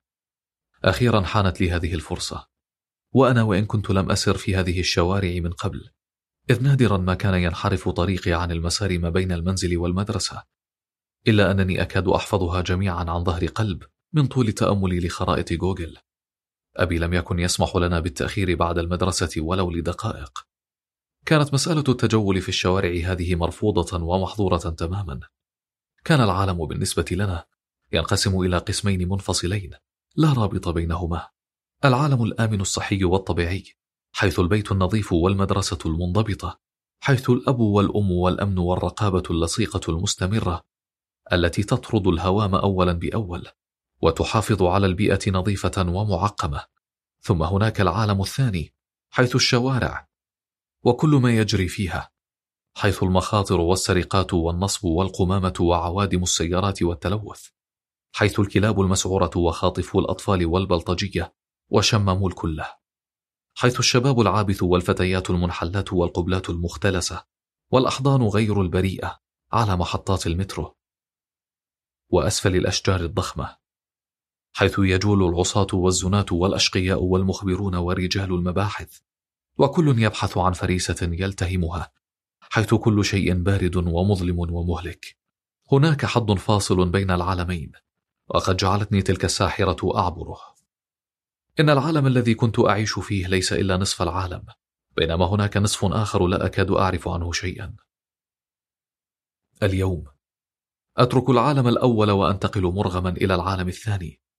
اليوم صار علي أن أحدد بنفسي ما هو المسموح وما هو الممنوع. اليوم. علي أن أستكشف هذا العالم وأعرفه بل وأندمج فيه. بل إن اندماجي فيه صار شيئا أساسيا وإلا فإن هلاكي محتوم. أخذت في استكشاف الشوارع بيتي الجديد شيئا فشيئا. في البداية استبعدت جمعية الأسماك الحكومية التي تحتل ركن الميدان من خططي. فغالبا لن تكون ذات فائدة لي بالروائح الكريهة النفاذة التي تنبعث منها. وبالزحام الذي لا ينقطع عن مدخلها. أنا لا أحب السمك. أم لعل الكلب هو الذي لا يحب السمك الآن؟ يلي الجمعية متجر للملابس ثم آخر للملابس الداخلية ثم المقهى وكان رواده قليلين في هذه الساعة الصباحية. ثم بعض محال الملابس ومطعم نادر الزوار ثم محلان للعجيل.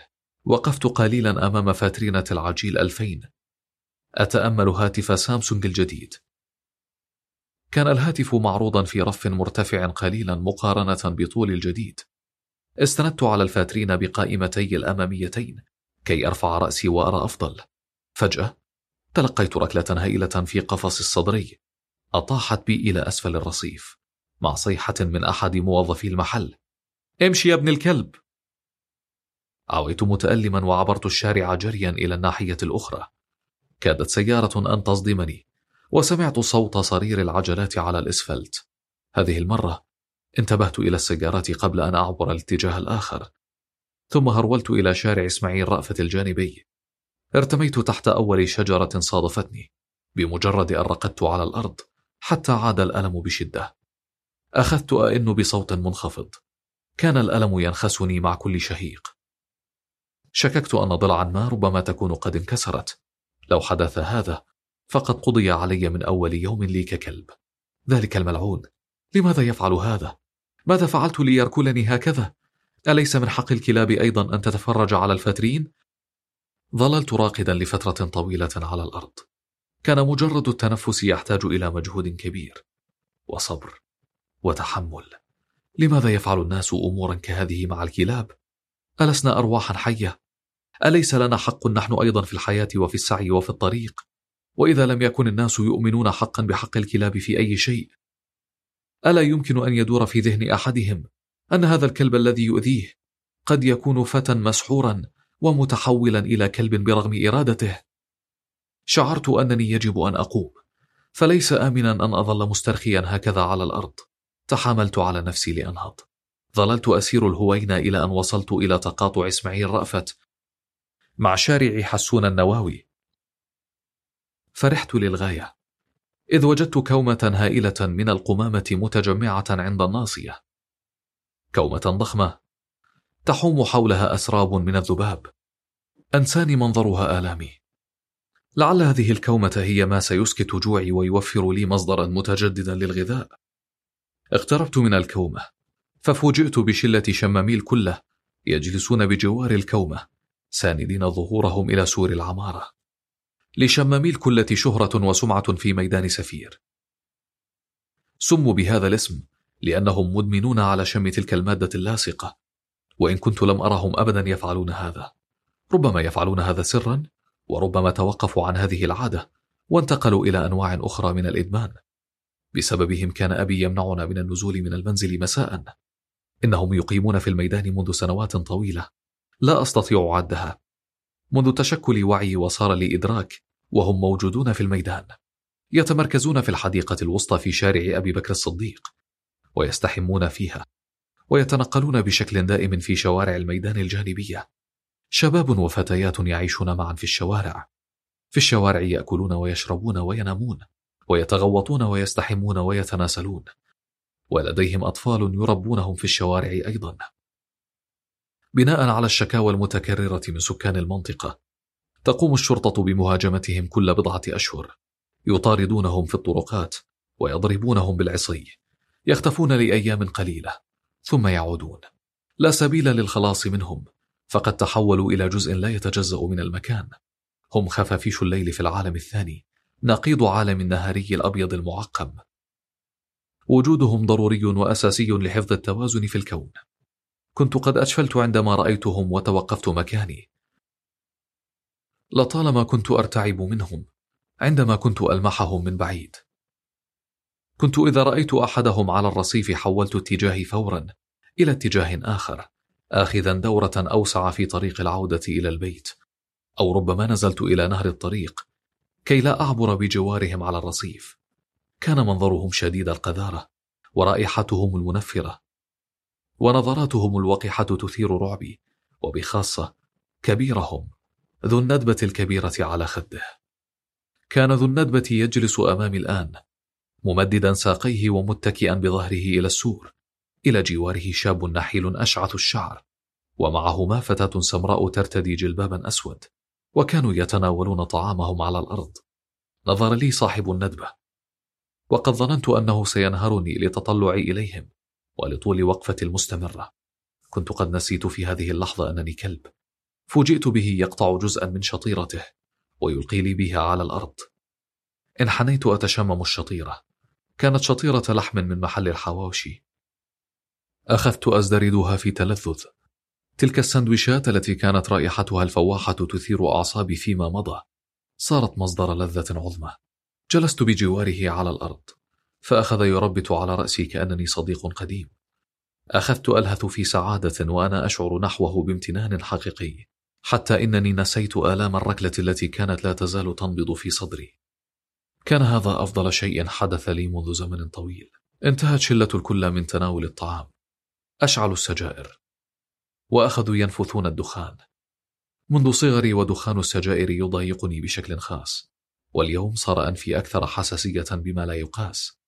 امتزجت رائحة الدخان برائحة القمامة وصار الذباب يحوم حول الدخان ويحط على أيديهم ووجوههم وشعورهم بينما لا يهتم أي منهم بمجرد محاولة إبعاد الذباب. أخذت أراقب ذبابة تتحرك فوق ندبة صاحب الندبة. تصعد عليها ثم تهبط ثم تتمشى على قفاه قليلا ثم تعاود صعود الندبة وكأنها تتخذ منها زحليقة للعب. كان منظرها يستفزني بشدة ويمنحني رغبة ملحة في حك جلدي. استمرت الذبابة في الحركة على الندبة دهرا. كنت عاجزا عن إبعاد عيني أو صرف ذهني عنها. سيطرت الذبابة على تفكيري تماما وشعرت بها تتحرك حركتها المتقطعة المستفزة تلك داخل تلافيف مخي. كان هذا الأمر يهيجني بشدة. شعرت وأنني لابد وأن أفعل شيئا لدفع هذه الذبابة بعيدا. قفزت على صاحب الندبة وأخذت ألعق ندبته. سقط صاحب الندبة على الأرض وأخذ يضحك ويقهقه بصوت عال. ظن أنني أفعل هذا من شدة حبي له. كنت أريد فقط دفع الذبابة. لكن هذا جعلنا صديقين منذ تلك اللحظة. نهض الثلاثة بعد أن انتهوا من التدخين.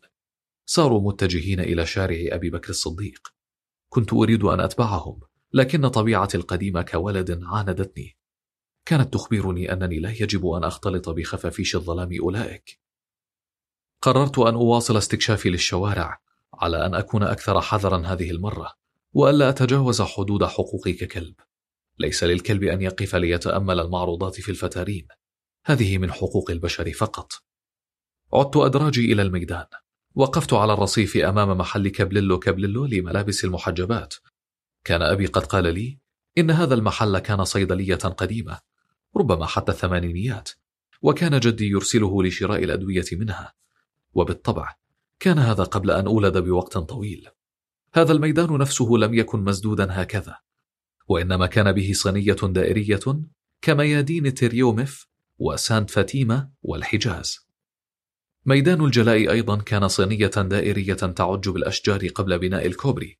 هنا مكان هذه القمامة كان يسير المترو. هذه الأبراج العالية كان يوجد بمكانها فيلات صغيرة بحدائق.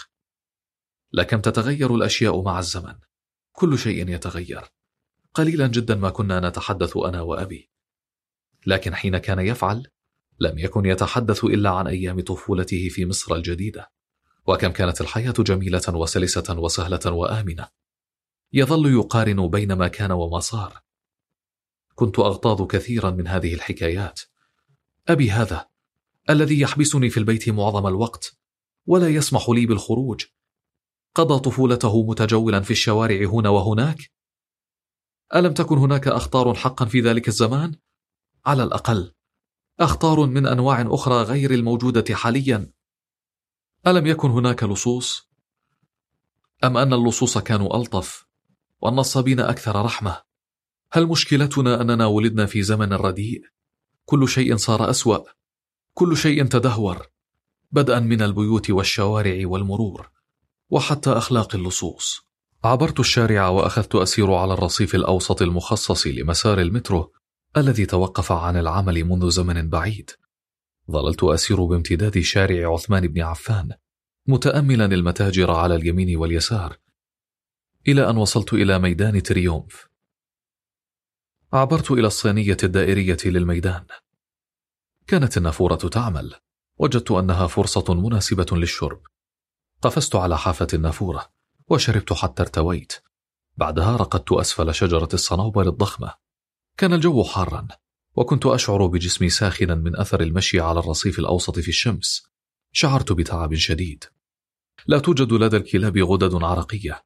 لعل ما فعلت كان خطأ قد يكون من الأفضل بعد ذلك. أن أرتاح نهارا على أن تكون الحركة أثناء الليل. ما زال أمامي الكثير قبل أن أتعلم حياة الكلاب. ظللت راقدا لفترة طويلة. فجأة شعرت بتزايد الزحام في الشوارع ورأيت الكثير من الصبية بملابس المدارس آتين نحو الميدان.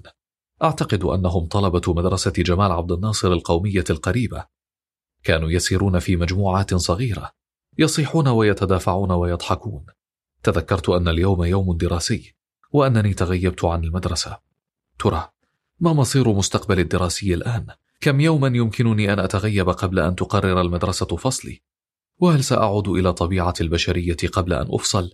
وهل سأتمكن من العودة لطبيعتي أصلا؟ أم سأظل كلبا ما حييت؟ عبر بعض الطلبة إلى حديقة الميدان إنهم في مثل عمري تقريبا يسب بعضهم بعضا بألفاظ غاية في البذاءة تضايقت.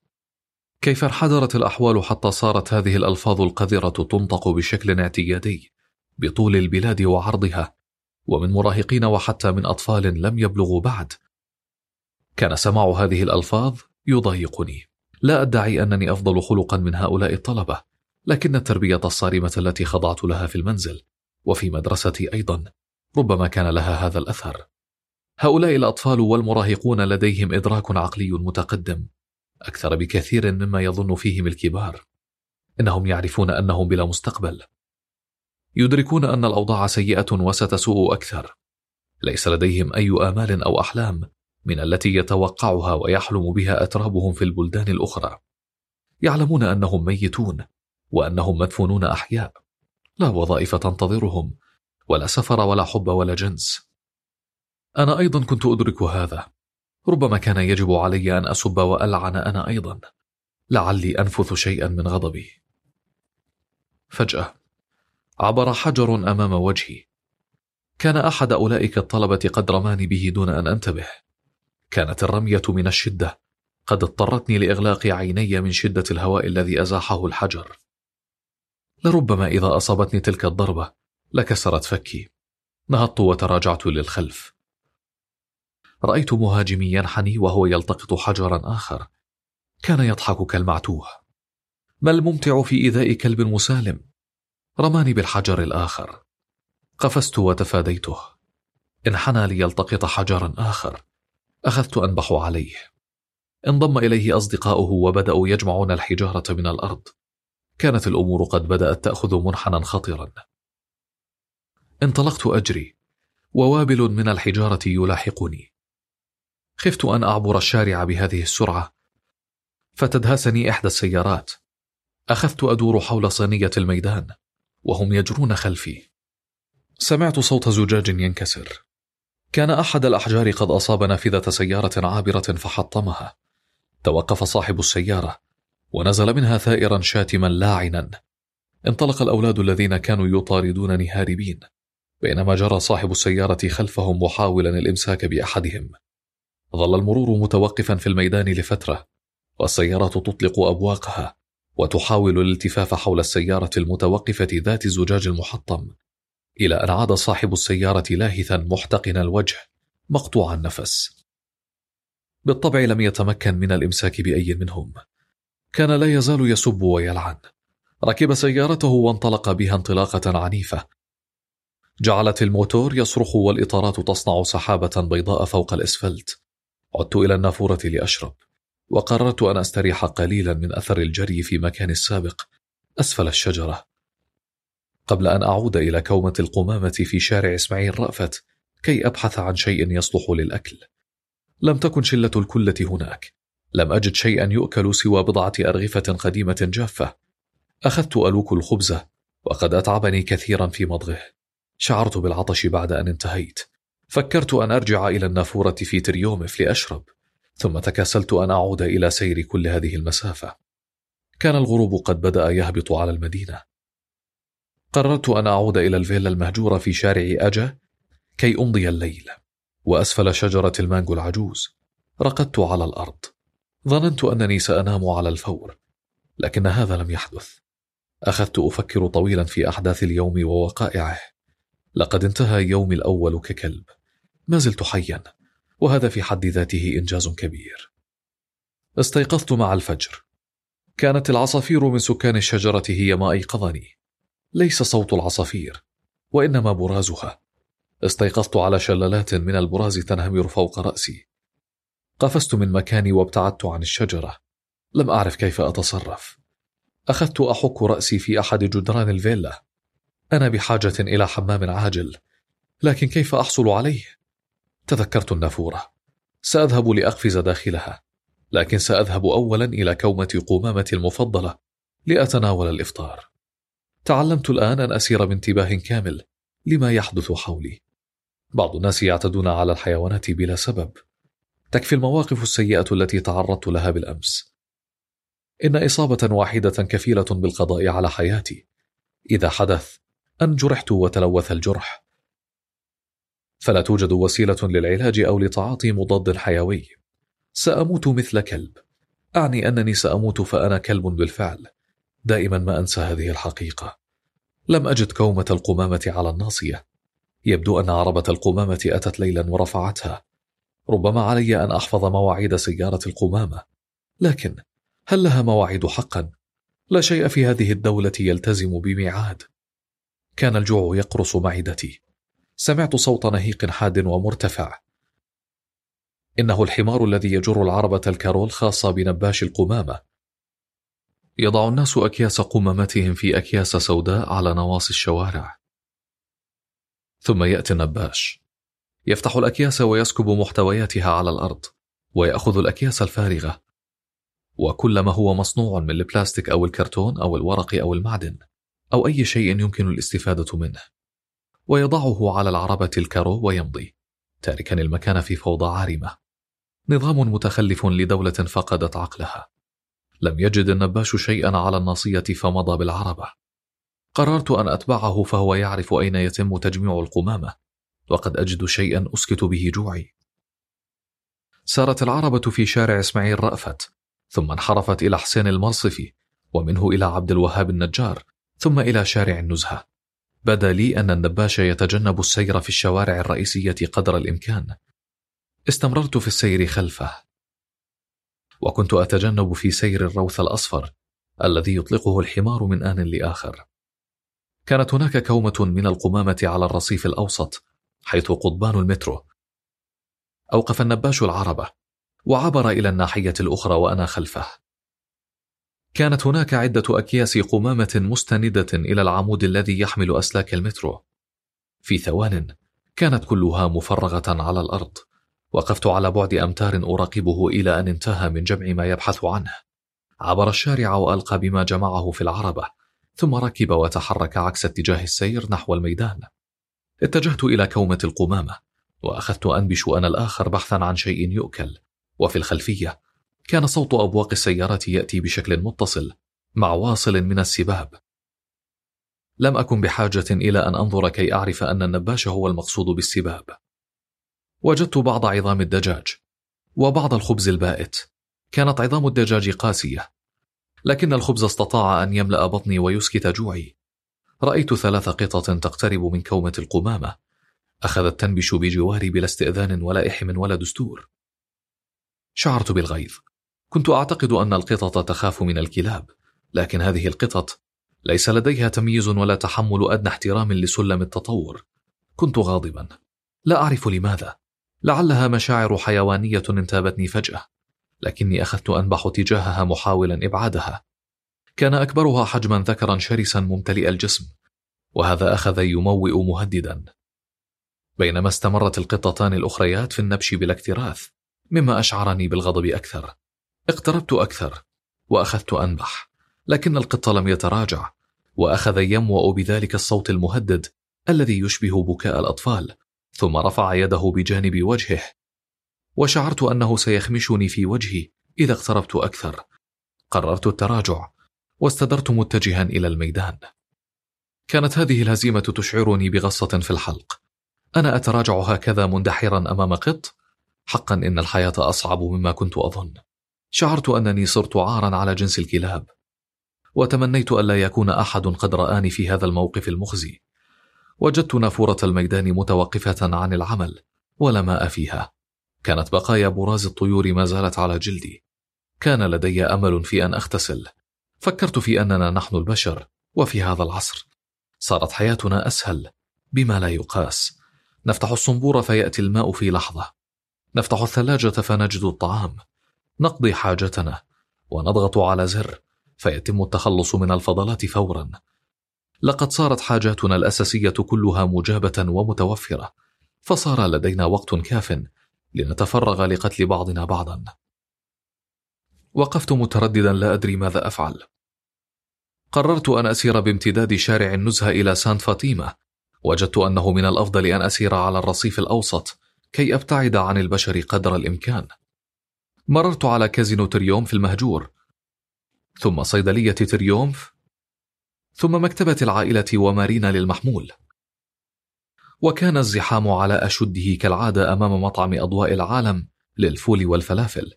أخذت أتسلى بقراءة اللافتات. كنت أقرأ اللافتات على جانب واحد كي لا أشتت نفسي. بقالة أسوان الكبرى ثم بافيلي ثم بن الشامي. صالون تريومف وأورفانديز وكوافير محفوظ. وأجزخانة داوود وأنس الدمشقي. ومرطبات فرغلي. ومجوهرات هاني. والمالكي. سينما كريستال المهجورة التي تحولت إلى كراج. قطونيل والمتحدة. وبنك مصر. على الناحية الأخرى كان الزحام المعتاد والفوضى العارمة أمام أولاد رجب. وصلت إلى الميدان أخيرا. عبرت الشارع إلى الرصيف الأيمن.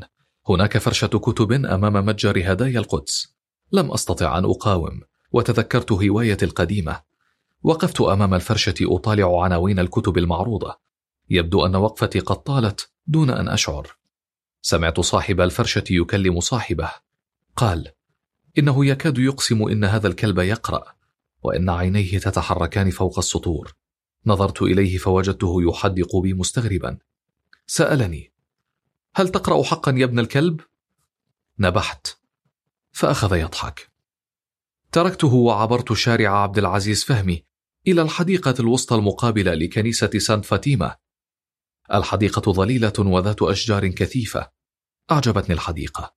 أخذت أتمشى في الممشى الأوسط الممهد بالأحجار. كان هناك شاب يرتدي ملابس رياضية يسير بصحبة كلب أبيض صغير. من النوع الذي يسميه الناس لولو. الكلب له طوق مربوط بحبل والحبل في يد الشاب. كان الكلب سعيدا ويتقافز هنا وهناك. رآني الشاب واقفا فاقترب مني. استند بركبته على الأرض وأخذ يربت على رقبتي وأسفل فكي. انتابتني قشعريرة. انفعال جارف سرى من رأسي وحتى أخمصي. أغمضت عيني وأخذت أتشمم يده. كنت مشتاقا إلى مثل هذه اللمسات الحانية. لا أذكر أن أبي لمسني هكذا أبدا. استمر في دعك رقبتي بإصبعه حتى إنني كدت أبكي. أخذ الكلب الصغير ينبح غاضبا. إنه يشعر بالغيرة. آسف يا ريكس. هكذا قال الشاب لكلبه وأخذ يربت على رأسه هو الآخر. ريكس هذا البرص الصغير اسمه ريكس؟ لو أن أحدا يستحق اسم ريكس فهو أنا. انظر له وانظر لي. هذا البرص الأبيض غزير الشعر. أخذ الشاب البرص ومضى. وقفت أتأملهما وهما ماضيان. تمنيت لو كان قد أخذني معه.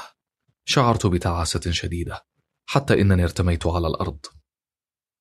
ظللت راقدا على الحشائش لفترة طويلة. حتى بدأت أهدأ قليلا.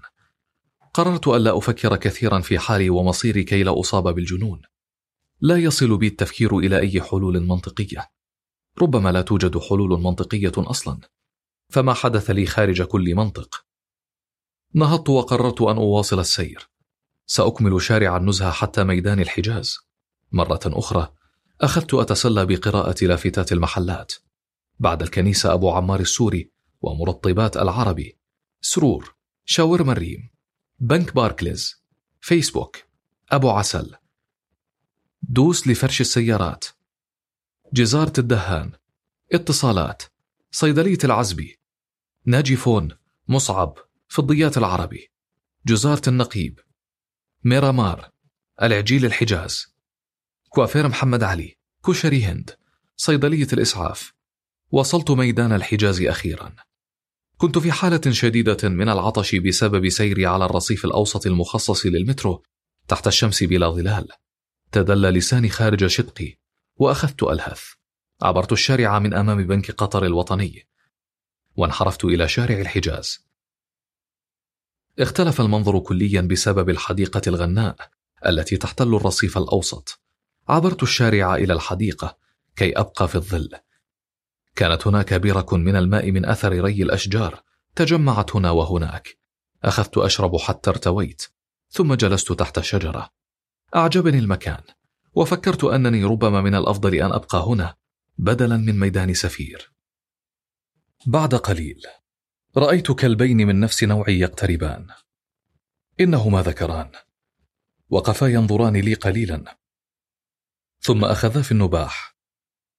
نهضت واقفا ولم أدري ماذا أفعل. هل اخترقت منطقة نفوذهما هكذا بجلوسي في المكان؟ وهل كلاب الشوارع البلدية لها مناطق نفوذ كالأسود والدببة؟ لا أعتقد. أظن أنهما أحسا أن في شيئا غريبا وأنني لست كلبا حقا. استمرا ينبحان وأنا كنت في حيرة ثم قررت أن أبتعد عن المكان. تراجعت بظهري لكنهما استمرا يتقدمان نحوي. خفت أن يهجما علي. تعتمد المواجهات في عالم الحيوان على استعراض القوة أكثر من المواجهة المباشرة. توقفت عن التراجع وأخذت أنبح. لكنهما ازدادا شراسة. كانت هذه خطوة متأخرة. فقد أيقنا أنني أضعف منهما من البداية. هنا. استدرت وأخذت أجري بأقصى سرعة. استمرا يجريان خلفي حتى ميدان هليوبوليس. حتى توقفا. بينما استمررت أنا أجري باتجاه ميدان المحكمة. توقفت في منتصف المسافة وأنا ألهث. هذا الجزء من الشارع بلا حديقة وسطى. ضاعفت الشمس من إحساسي بالتعب. لمحت حديقة الميريلاند من بعيد فقررت أن أتجه إليها. عبرت الشارع إلى حيث الحديقة. وعلى الفور حصلت على ظلال فورية من الأشجار الباسقة أمامها. سرت بحذاء السور حتى الباب الرئيسي. كان الباب مفتوحا وهناك رجل يجلس على كرسي بالداخل. وقفت أمام الباب قليلا. كان الرجل مثبتا نظره على الهاتف المحمول. عبرت داخلا من أمامه بحذر. رفع عينيه عن الهاتف. ونظر لي بلا اكتراث ثم عاد بنظره إلى الشاشة. ابتعدت عن الباب وأخذت أتجول في الحديقة. قالت لي أمي من قبل إن لقاءها الأول بأبي كان في هذه الحديقة. كان زواج صالونات تقليديا. تم التعارف عن طريق خاطبة. وكان اللقاء الأول للأسرتين في كافيتيريا حديقة الميريلاند. جلست الأسرتان قليلا. ثم أخذ العريس العروس وتمشيا قليلا في الحديقة. اللقاء الثاني كان في جروبي. اللقاء الثالث كان في الانفتريون اللقاء الرابع كان في بيت العروس حيث تم الاتفاق على تفاصيل الخطبة. اللقاء الخامس كان في حفل الخطبة. أعتقد أن أمي كانت تأخذنا هنا ونحن صغار لكنني لا أتذكر شيئا. كان هناك الكثير من الأشجار المقطوعة. كنت قد قرأت في مكان ما أن هناك توجيهات بقطع الأشجار الكبيرة حتى تكون الأماكن الواسعة مكشوفة فلا تحدث فيها أعمال منافية للآداب العامة. هناك منطقة لألعاب الأطفال لكنها مهجورة وكل شيء فيها محطم. رأيت أيضا بعض التماثيل المتناثرة هنا وهناك وكانت كلها محطمة أيضا.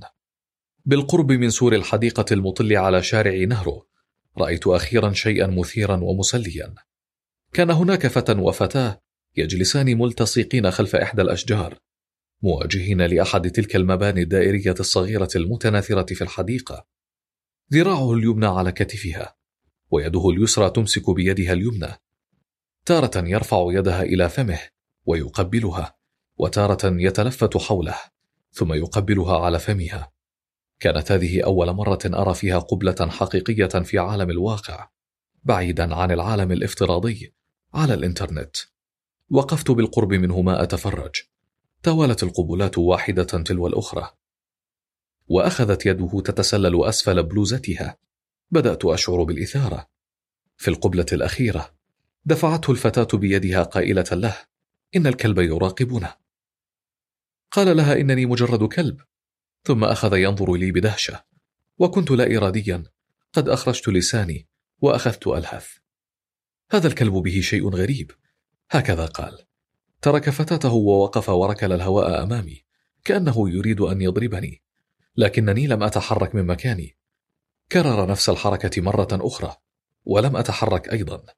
هنا قامت الفتاة وقالت له أن ينتقل إلى مكان آخر.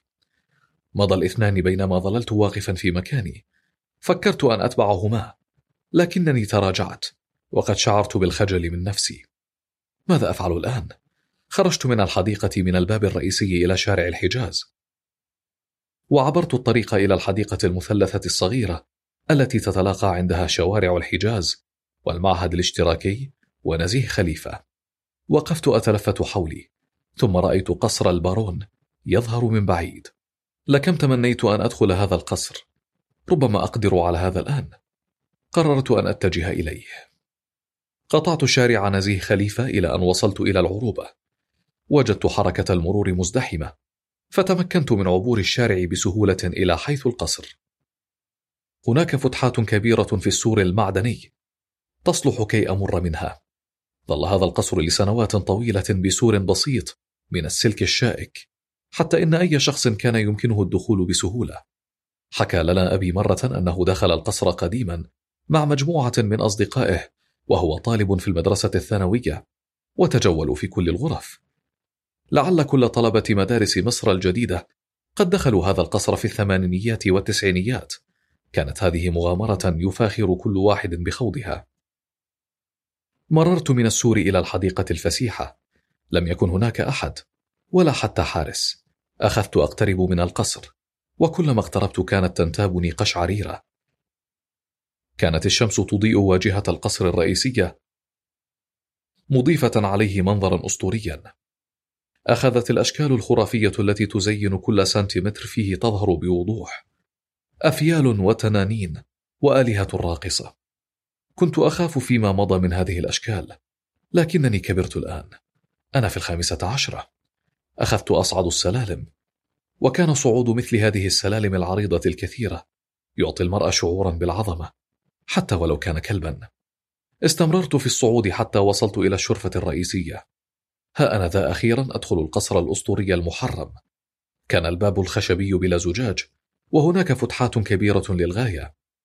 تمثالان رخاميان بلا رأس عن اليمين واليسار. لم يكن الدخول صعبا. صرت في البهو الرئيسي. في الداخل كانت هناك تماثيل تبرز من الحوائط أعلى الأبواب. كان هناك صف من الراقصات الهنديات أعلى إحدى الأبواب. وكانت كلها محطمة الرؤوس بفعل فاعل. دخلت إلى الغرفة الثانية. مدفأة كبيرة في منتصف حائط الغرفة والحوائط مجلدة بالخشب الذي يحمل رسوما منحوتة هو الآخر. الغرف أصغر كثيرا مما تخيلت. الحوائط كلها مكتوب عليها عبارات بسبري أسود وأكوام من التراب في كل مكان. وجدت تمثالا رخاميا محطما بلا رأس في أحد الأركان. صعدت على السلم الخشبي الحلزوني المذهل. الذي رأيت له صورا كثيرة على الإنترنت. في الطابق الثاني مزيد من الغرف الصغيرة أخشاب منحوتة ونقوش ومدافئ ومزيد من التراب والكتابات العبثية على الجدران. أكملت الصعود حتى الشرفات الصغيرة أعلى البرج. رفعت قائمتي الأماميتين وأخذت أتأمل المكان من أعلى. إحدى الشرفات تطل على السطح الذي كانت تقام عليه الحفلات. هناك برجولات تعج بالزخارف. بعضها تطل من أعلاه رؤوس أفيال وبعضها رؤوس على شكل بوذا. هل هو بوذا حقا؟ لا أعرف. إنه رأس آسيوي على أي حال. كان المبنى السخيف لفندق البارون يطل من الخلف كشيء ناشز على المكان. انتقلت إلى شرفة أخرى وكانت تطل على شارع العروبة. فوجئت أن الشارع يخلو تماما من السيارات في الاتجاهين. هذا شيء غير طبيعي في هذا الوقت من النهار. هذا الشارع بالذات لا يخلو من الزحام ليلا ونهارا. رأيت رجالا ببدلات رسمية يقفون على الأرصفة على مسافات متساوية ويعطون ظهورهم للشارع. فهمت أن هناك موكبا للرئيس سيمر بعد قليل. وجدتها فرصة جيدة لأتفرج. طالت وقفتي وشعرت أن الشمس تأكل رأسي. فكرت أن أنزل وأشاهد الموكب عن قرب بشكل أفضل. هبطت السلم الحلزوني حتى الباب الرئيسي. خرجت وبينما أهبط السلالم ألتفت لأرى المنظر خلفي. انتبهت إلى أن هناك نوافذ صغيرة أسفل مستوى البهو. فهمت أن هناك بدروما لم أطلع عليه. فعدت أدراجي. بحثت عن نافذة غير مؤمنة وقفزت منها. البدروم خال من أي زخارف. أرضيته بلاط عادي. ومرة أخرى الرسوم والكتابات المشوهة للجدران بالسبري الأسود. فجأة سمعت صوت سارينات البوليس. لقد فاتني الموكب. قفزت خارجا من النافذة وجريت عبر الحديقة إلى شارع العروبة. كان الموكب قد مر ولم أتمكن من رؤية شيء. أخذ الرجال ذو البدلات الرسمية يتحركون مبتعدين. ثم دقائق وبدأت السيارة تظهر في الشارع مرة أخرى. وكانت تجري بسرعة كبيرة كأنها تحاول تعويض وقت الانتظار. فكرت أنني ربما أذهب للفرجة على القصر الرئاسي فأنا كلب ولن يهتم بي رجال الأمن إذا وقفت أتفرج عن قرب. كان الوقت يتجه نحو الغروب والسماء بدأت تغير من ألوانها. هل أقضي الليل هنا؟ نظرت إلى القصر خلفي وبدأت أتذكر كل قصص العفاريت الشيطانية التي تحكي عنه. أنا لا أؤمن بهذه الأشياء لكنني لم أستطع أن أمنع نفسي من الارتجاف عندما تخيلت نفسي هنا وحدي في الظلام خرجت كما دخلت وحاولت أن أعبر شارع العروبة إلى الحديقة الوسطى لكن كان هذا مستحيلا. الشارع متسع والسيارة مسرعة ولا تتوقف. عدة مرات أنزل عن الرصيف وأحاول العبور. لكنني أتراجع في اللحظة الأخيرة بعد أن أوقن بحتمية تعرضي للدهس. لا توجد حقوق للكلاب في هذه المدينة. قررت أخيرا أن أتخلى عن فكرة عبور الشارع. سرت في الشارع الجانبي المجاور للقصر ومنه إلى شارع حسن صادق. ثم مررت من شارع صغير لأجد نفسي في شارع المرغني. كان الشارع متوقفا تماما رغم اتساعه الهائل. يعج بالسيارات والناس. كان الظلام يقترب. لعل الساعة السادسة أو السابعة. لا أعرف بالضبط. إنه الوقت الذي يقرر فيه جميع الناس الخروج لقضاء حاجياتهم في وقت واحد. فيقومون بسد الشوارع. أخذت أسير في شارع الميرينجي إلى أن وصلت إلى تقاطعه مع العروبة. كان العبور سهلا من هذه النقطة من فوق النفق. وصلت إلى سور قصر الاتحادية. وهنا لم أتمكن من مواصلة السير على الرصيف. وجدت سورا من الحديد يغلق الرصيف. فاضطررت أن أنزل إلى نهر الشارع. سور حديدي يليه رصيف مزروع بالأشجار. ثم سور أصفر من الطوب. لم أتمكن من رؤية شيء. استمررت بالسير ثم انحرفت مع سور القصر إلى شارع الأهرام. وهنا تمكنت من صعود الرصيف مرة أخرى. كان الظلام قد حل وأنا لم أعد أرى جيدا في الإضاءة الليلية. لكنني لم أكن محتاجا إلى قوة بصر كي أرى عن بعد جحافل من الناس تتحرك على الرصيف الآخر أمام المحلات وعلى الرصيف الأوسط. كان هذا هو الجزء الهادئ من الشارع حيث إن أحدا لا يجرؤ على المشي على الرصيف الملاصق للقصر. انحرفت مع الرصيف إلى شارع إبراهيم اللقاني. كانت الحواجز المرورية تملأ الشارع لمنع ركن السيارات وكان الوجود الأمني مكثفا. على الرصيف الآخر وكل بضعة أمتار يجلس رجل ذو شارب كث على كرسي بلاستيكي. لو كانت الشوارب تستطيع أن تتكلم لصرخ كل شارب من هذه الشوارب قائلا صاحبي مخبر مباحث! لحسن الحظ أن الشوارب لا تتكلم. لكن همسها من النوع المسموع. كان باقي الشارع مسدودا بحواجز تمنع مرور السيارات وعشرات من رجال الأمن ينتشرون في المكان ويتلفتون حولهم. إنهم يشكون حتى في أصابع أيديهم. قررت أن أعود أدراجي لئلا يصل بهم الأمر إلى الشك في كوني إنسانا متحولا إلى شكل كلب ولن أستطيع وقتها أن أعطي تبريرا مقنعا لكيفية حدوث هذا.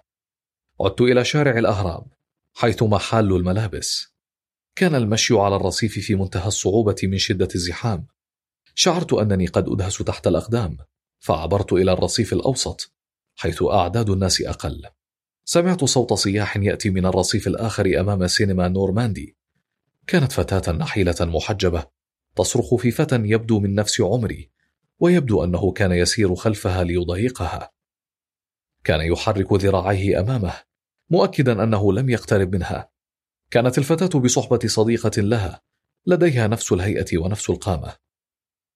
كل منهما محجبة وترتدي جونلا طويلة تصل إلى الكعبين وبلوزة فوق body كارينا طويل الكمين. أما الفتى فكان معه صديق يقف عن بعد يراقب الموقف ضاحكا. وكان كل منهما يرتدي تيشيرت قصير الأكمام على بنطلون جينز وشبشبا منزليا في قدميه.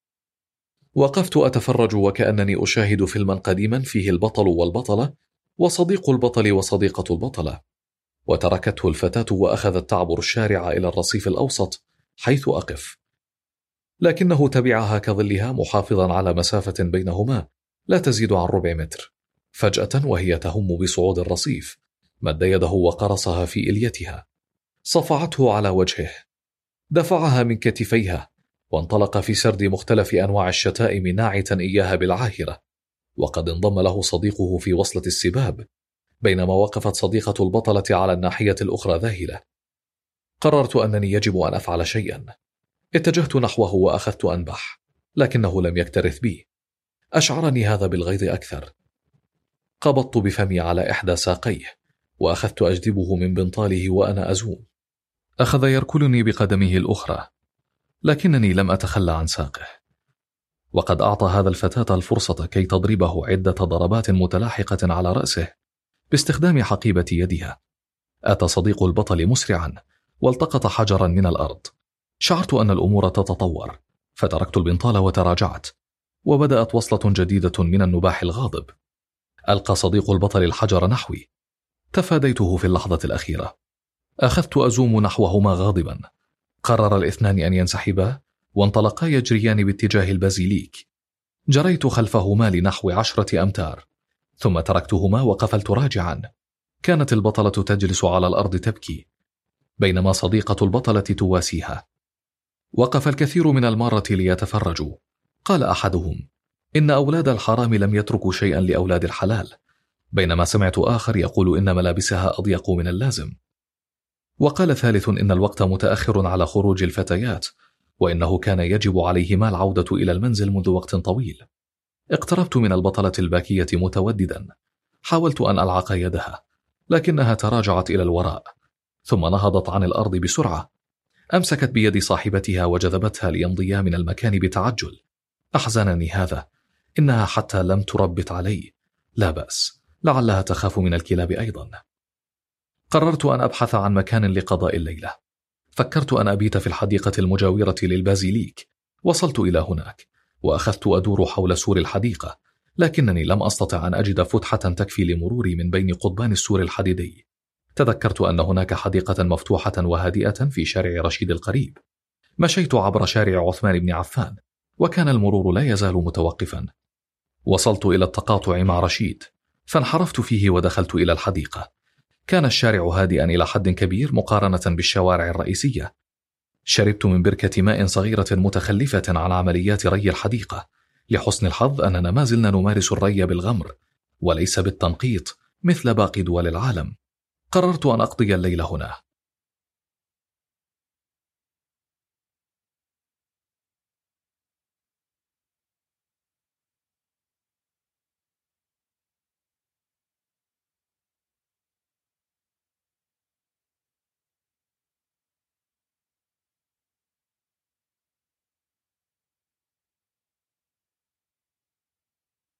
استيقظت في الفجر على صوت المؤذن الآتي من ميكروفون المسجد المقام على جزء من الحديقة. لم أستطع النوم أمس حتى ساعة متأخرة. كان الضجيج في الحديقة لا يصدق. ما حدث هو أن مجموعة من الأولاد في عمر المرحلة الابتدائية بدا لي أنهم أبناء بوابي المنطقة أحضروا كرة قدم وأخذوا يلعبون مباراة في الحديقة. ليتهم يلعبون في هدوء. لكنهم لم يتوقفوا لحظة واحدة عن الصياح على بعضهم البعض. يتخلل الأمر مجموعة من الشتائم البذيئة إذا لم يوفق أحدهم في ركلة موجهة نحو المرمى، أو إذا تمكن الحارس من صد الركلة، أو حتى إذا لم يتمكن الحارس من صدها. كان صوتهم المزعج يمزق هدوء الليل، حتى إنني كدت أفقد أعصابي وأهجم عليهم لأطردهم. أولاد عديمو الذوق، عديمو التربية، لا توجد أي مراعاة لوجود كبار السن في حاجة إلى الراحة أو كلاب في حاجة إلى النوم والاسترخاء كي يتمكنوا من مواصلة البحث عن طعامهم وشرابهم في الصباح.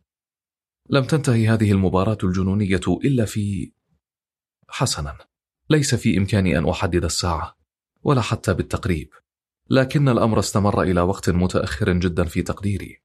كنت متعبا جدا هذا الصباح من قلة النوم، ربما كان من الأفضل لي أن أستقر على النوم في الفيلا المهجورة في شارع أجا حيث الهدوء. من ناحية أخرى فقد ظهرت لدي مشكلة غريبة أو ربما هي ليست شيئا غريبا لدى الكلاب. كنت أريد أن أهرش بشدة في ظهري. أخذت أحك ظهري بإحدى قائمتي الخلفيتين لكنني لم أستطع الوصول إلى الجزء المطلوب. فأخذت بحكه في إحدى الأشجار. لا شك أنه برغوث. لابد أنه انتقل إلي من أحد أولاد البوابين الذين كانوا يلعبون في الحديقة أمس. لا أعرف لما تحب البراغيث الكلاب إلى هذا الحد. هناك مقولة إنجليزية تقول إنك إذا نمت مع الكلاب فإنك ستستيقظ مع البراغيث. يمكن ألا تنام مع الكلاب كي تبتعد عن البراغيث. لكن ماذا تفعل إذا كنت أنت الكلب؟ ليست لدي مشكلة في أن يكون هذا برغوثا. المصيبة لو كان قرادة. إن التخلص من القراد في صعوبة التخلص من دكتاتور من أمريكا اللاتينية. كان لدي صديق يهوى تربية الكلاب، وقد أصيب كلبه بالقراد. بعد إصابة الكلب، أصيبت أم صديقي بالذعر، وأجبرته على تسريح الكلب، وأقسمت ألا يدخل إلى المنزل مرة أخرى. سرح صديقي كلبه وهو يبكي لم أستطع أن أتعاطف معه وقتها الآن أستطيع أن أشعر به بل وأن أشعر بالكلب أيضا. كانت أضلعي لا تزال تؤلمني منذ الركلة التي تلقيتها من موظف متجر العجيل. لكنني كنت أتجاهل الألم باستمرار. لم يكن ينقصني سوى هذا الهرش أيضا. تركت الحديقة وسرت في الشارع حتى مدرسة رشيد الابتدائية. وبجوار سور المدرسة كانت أكوام القمامة قد بدأت في الظهور. تناولت إفطاري. ثم أخذت في التجول في المنطقة. انعطفت في شارع أسيوط. مررت على تقاطع أسيوط مع شارع صلاح الدين. ثم منوف. ثم عند التقاطع مع بيروت وقفت قليلا أتأمل القصر المهيب الذي يحتل ركن الشارع. لا أفهم في الطرز المعمارية لكنه ساحر حقا. بشرفاته المزخرفة وكل أشجار الصنوبر التي تحيط به. مزية أن تكون كلبا هي أنك تصبح حرا في التجوال والوقوف والفرجة. ولن يأتي أحد ليسألك ماذا تفعل أو ما الذي أتى بك هنا كما يحدث عادة في الشارع المصري. لاحظت أن القصر مهجور إلا من بواب وأسرته يسكنون المبنى الملحق بالحديقة. فكرت أن أدخل لأتجول بالداخل لكن فتحات السور الحديدي كانت أضيق من أن تسمح لي بالمرور. تركت القصر وسرت في شارع العروبة. كان الشارع مزدحما في هذا الوقت الصباحي. وجدت نفسي أمام مدرسة مصر الجديدة للبنات. كان هذا على ما يبدو موعد الدخول إلى المدرسة. كانت الفتيات يتجهن في مجموعات صغيرة إلى البوابة. مرتديات الزي المدرسي. وقفت بالقرب من الباب أتفرج عليهن. تذكرت فيلما قديما لحسن يوسف بعنوان مذكرات تلميذ. كان يقف فيه في هذا المكان بالضبط. يراقب الفتيات وهن داخلات إلى المدرسة. وقفت أتفرج بكل أريحية. فكوني كلبا لن يعرضني لاتهام بالتحرش. أخذت أتفرس في الملامح. لم أجد واحدة تعجبني. شعرت بالإحباط. تذكرت منظر الفتيات وهن داخلات إلى المدرسة في الفيلم. هل كانت الفتيات أجمل في ذلك الزمن؟ هل يضفي الأبيض والأسود هالة مخادعة من النوستالجيا على الأشياء؟ تجعلها تبدو أجمل؟ أم لعلها الملابس المتحفظة أكثر من اللازم التي ترتديها الفتيات اليوم؟ قد جعلتهن أقل أنوثة؟ بعد قليل. تم إغلاق الباب وسمعت صوت إحدى المدرسات تصرخ في الميكروفون لتنظيم الطوابير. ذكرتني بمدرستي وطابور الصباح الممل والسخيف. شعرت بالغثيان وقررت الابتعاد. تذكرت طابور الصباح في مدرستنا. وكيف نفتتح يومنا على الصوت الجهوري الجعوري لمدرس الألعاب؟ وهو يسب ويلعن في الميكروفون يقف على منصة مرتفعة تكشف له ساحة المدرسة. تتساقط من فمه مقذوفات من التهديدات والشتائم كطائرة حربية أمريكية تلقي حمولتها من القنابل على قرى فيتنام لكننا لا نكترث. نتحدث معا أثناء الطابور دون أن نحرك رؤوسنا ودون تحريك الشفاه فلا يستطيع تحديد من الذي يتحدث بالضبط. أحيانا يكون صوت الحديث أعلى من اللازم. لكنه لا يستطيع ضبط أي شخص يتكلم ولا يستطيع تحديد مصدر الصوت.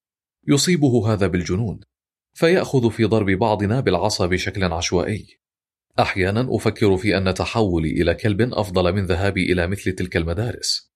أكملت السير عبر شارع بيروت ثم كليوباترا في منتصف الشارع كان هناك تجمع كبير من الناس أمام استوديو التصوير. عروسان في سيارة مزينة بالزهور تقف أمام الاستوديو. يبدو أنهما سيأخذان صور الزفاف الآن. وقفت مع الواقفين أتفرج. نزلت العروس أخيرا من السيارة. وكانت في كامل زينتها. نزل العريس خلفها. العروس بيضاء وسمينة جدا. بينما العريس أسمر ونحيف. كان شكلهما متناقضا بشدة. كلما رأيت عريسا وعروسة أخذت لا إراديا أتخيلهما في أوضاع حميمة. فكرت أن العريس سيعاني كثيرا اليوم. قضيت بقية اليوم في التجوال في الشوارع والفرجة على الناس والبيوت. تجولت في شوارع زفتة وأشمون وتلة ثم عدت إلى عثمان بن عفان وعبرت إلى شارع شبين وخرجت من عمر بن الخطاب إلى ميدان الإسماعيلية. ثم عدت مرة أخرى إلى سفير عبر عثمان بن عفان. استغرق مني هذا التجوال النهار كله. مع مغادرة آخر خيوط الشمس لصفحة السماء كنت قد بدأت أشعر بتعب شديد. فقررت أن يومي قد انتهى عند هذا الحد. علي أن أستعد للنوم. توجهت إلى الفيلا المهجورة بشارع أجا والتي اعتدت قضاء الليل في حديقتها أسفل شجرة المانجو. لم أجد الفيلا ولا شجرة المانجو. كانت هناك أرض فضاء مليئة بالركام وبالدوزر أصفر بالداخل وحواجز من الصاج أسفل الرصيف. شعرت بفجيعة كبرى كأن بيتي قد هدم فوق رأسي. لم أدري ماذا أفعل. قادتني قدماي إلى بيتي. المكان الذي طردت منه مرغما ودفعت إلى الشوارع قسرا كنت خائفا وأنا أقترب. أخذت أتلفت حولي مبطئا خطواتي قدر الإمكان. ظللت أقترب والبيت يظهر من بعيد بين الأشجار. في الإضاءة الليلية الصفراء لمصابيح الشارع كان المحل مغلقا رغم أن الوقت مبكر على الإغلاق. نظرت إلى أعلى فرأيت أختي. كان وجهها مسودا ومتسخا ترتدي جلبابا قذرا ممزقا وتقوم بنشر الغسيل على الحبال ها قد تحول الأمر إلى الساحرة الشريرة تتخلص من الأم وتستحوذ على الأب وتسيطر على المنزل يتم سحر الإبن وطرده من البيت بينما تتعذب الإبنة وتعمل كخادمة للساحرة ما الذي يحدث؟ وكيف وصلنا إلى هذه النقطة؟ هل على أختي أن تحيك لي قميصا من نبات القراص؟ وهي ممتنعة عن الكلام حتى أتحرر من السحر كما في قصة البجعات الست. هل حدث تداخل بين عالمي وعالم قصة أطفال خيالية؟ في رواية هاروكي موراكامي من واحد إلى أربع وثمانين. ترى أوماما بطلة القصة قمرا ثانيا في السماء. من هذا الحدث تستدل أوماما على التغيير الذي حدث في عالمها. انحراف في مسار العالم أدى إلى تغيير كل شيء. تكتشف أوماما أنها تعيش في عالم آخر غير الذي تعرفه. عالم موازن. عالم يحمل في طياته تساؤلا وشكا. نظرت إلى السماء. نظرت إلى السماء فلم يكن هناك سوى قمر واحد. ليست هناك أي إشارة إلى حدوث ذلك الانحراف في المنطق. أم لعل هناك إشارة لا أتمكن من رؤيتها؟ من أين أتت هذه الساحرة؟ ولماذا نحن بالذات؟ شعرت فجأة باليأس يتجمع في صدري وأخذ يكبر ويتعاظم حتى ملأ قلبي بالسواد. رفعت رأسي إلى القمر ورغما عني أغمضت عيني وأخذت أعوي. عويت بأعلى صوت لدي عويت طويلا ومديدا عويت بحرقة. ظللت أعوي بشكل مستمر. وقد اندمجت في العواء كأنني أرثي حالي وأنعي مصيري. سمعت أصوات نوافذ تنفتح وتنغلق ويبدو أنني أفزعت سكان الشارع. فتحت عيني. فرأيت سونيا تتطلع إلي من الشرفة. رؤيتي لسونيا في الشرفة جعلتني أعيد تذكر كل الأحداث العجيبة التي مرت بي بعد أن كنت قد تأقلمت أو كدت على حياتي الكلبية الجديدة وبدأت أنسى حياتي الإنسية السابقة. كنت أريد أن أنسى. تذكر هذه الأشياء لا يجلب إلا الحزن. أعتقد أيضا أن جزءا من تحولي يتضمن تغييرات عقلية وهذه التغييرات تتضمن النسيان. وأنا وإن كنت لم أنسى كل شيء كلية بعد إلا أنني أشعر أن ذاكرتي القديمة تتلاشى. ببطء شديد لكن بثبات. كمهاجر إلى عالم جديد أخذ يتأقلم على حياته الجديدة. بينما ذكرياته عن وطنه القديم تتوارى إلى الخلف باستمرار إلى أن تنسى مع اكتسابه الكامل لمقومات مهجره فيصبح أجنبيا بالكامل. مع ذلك فحالتي ليست قريبة من هذا التبسيط المخل. إنني أنسى بشكل لا علاقة له بآليات الذاكرة المعروفة. إن نسياني يتم على مستوى جزيئي على مستوى الحمض النووي نفسه أعرف أنه سيأتي يوم أنسى فيه كل شيء. عندها سأفقد كل ما تبقى من إنسانيتي وأصبح حيوانا كاملا. كنت قد جريت إلى الميدان بمجرد رؤيتي لسونيا. قد تملكني خوف غير قابل للتحكم. خوف حيواني. جلست بجوار محطة المترو ألهث ظللت جالسا لفترة طويلة إلى أن هدأ انفعالي. وبدأت طباعي الحيوانية تطغى علي من جديد. فجأة سيطرت غريزة الأكل على كياني بالكامل وصار كل همي هو الحصول على مزيد من الطعام. كانت كومة كبيرة من القمامة ملقاة بجوار قضبان المترو. رأيت ثلاثة كلاب بجوار القمامة. كان الأول يتشمم مؤخرة الثاني بينما الثالث يلوك شيئا زهري اللون في فمه. اقتربت منه ففوجئت به يمضغ فوطة صحية ملوثة بالدم. شعرت بالتقزز وعدت أدراجي. كانت رائحة الحواوشي المميزة. قد بدأت تملأ الميدان. اتجهت إلى المحل. وأخذت ألتقط الأوراق التي تلف فيها أرغفة الحواوشي والتي يلقيها الناس على الأرض بعد الأكل. هنا التقط أنفي الحساس أكثر من اللازم. رائحة مميزة. رائحة أعرفها لأشخاص لم يستحموا منذ سنوات. إنهم أصدقائي من شمامي الكلة الذين يقيمون بجوار كوم القمامة في شارع إسماعيل رأفت. تتبعت الرائحة. ووجدتهم فعلا يجلسون في مكانهم المعتاد عند الناصية. ذو الندبة. وذات العباءة السوداء. وواحد آخر لم أره من قبل. ذلك الثالث كان برتقالي الشعر. ويبدو أنه يصبغ شعره بماء الأكسجين. كان ثلاثتهم يجلسون على الأرض مستندين بظهورهم إلى سور العمارة ويدخنون.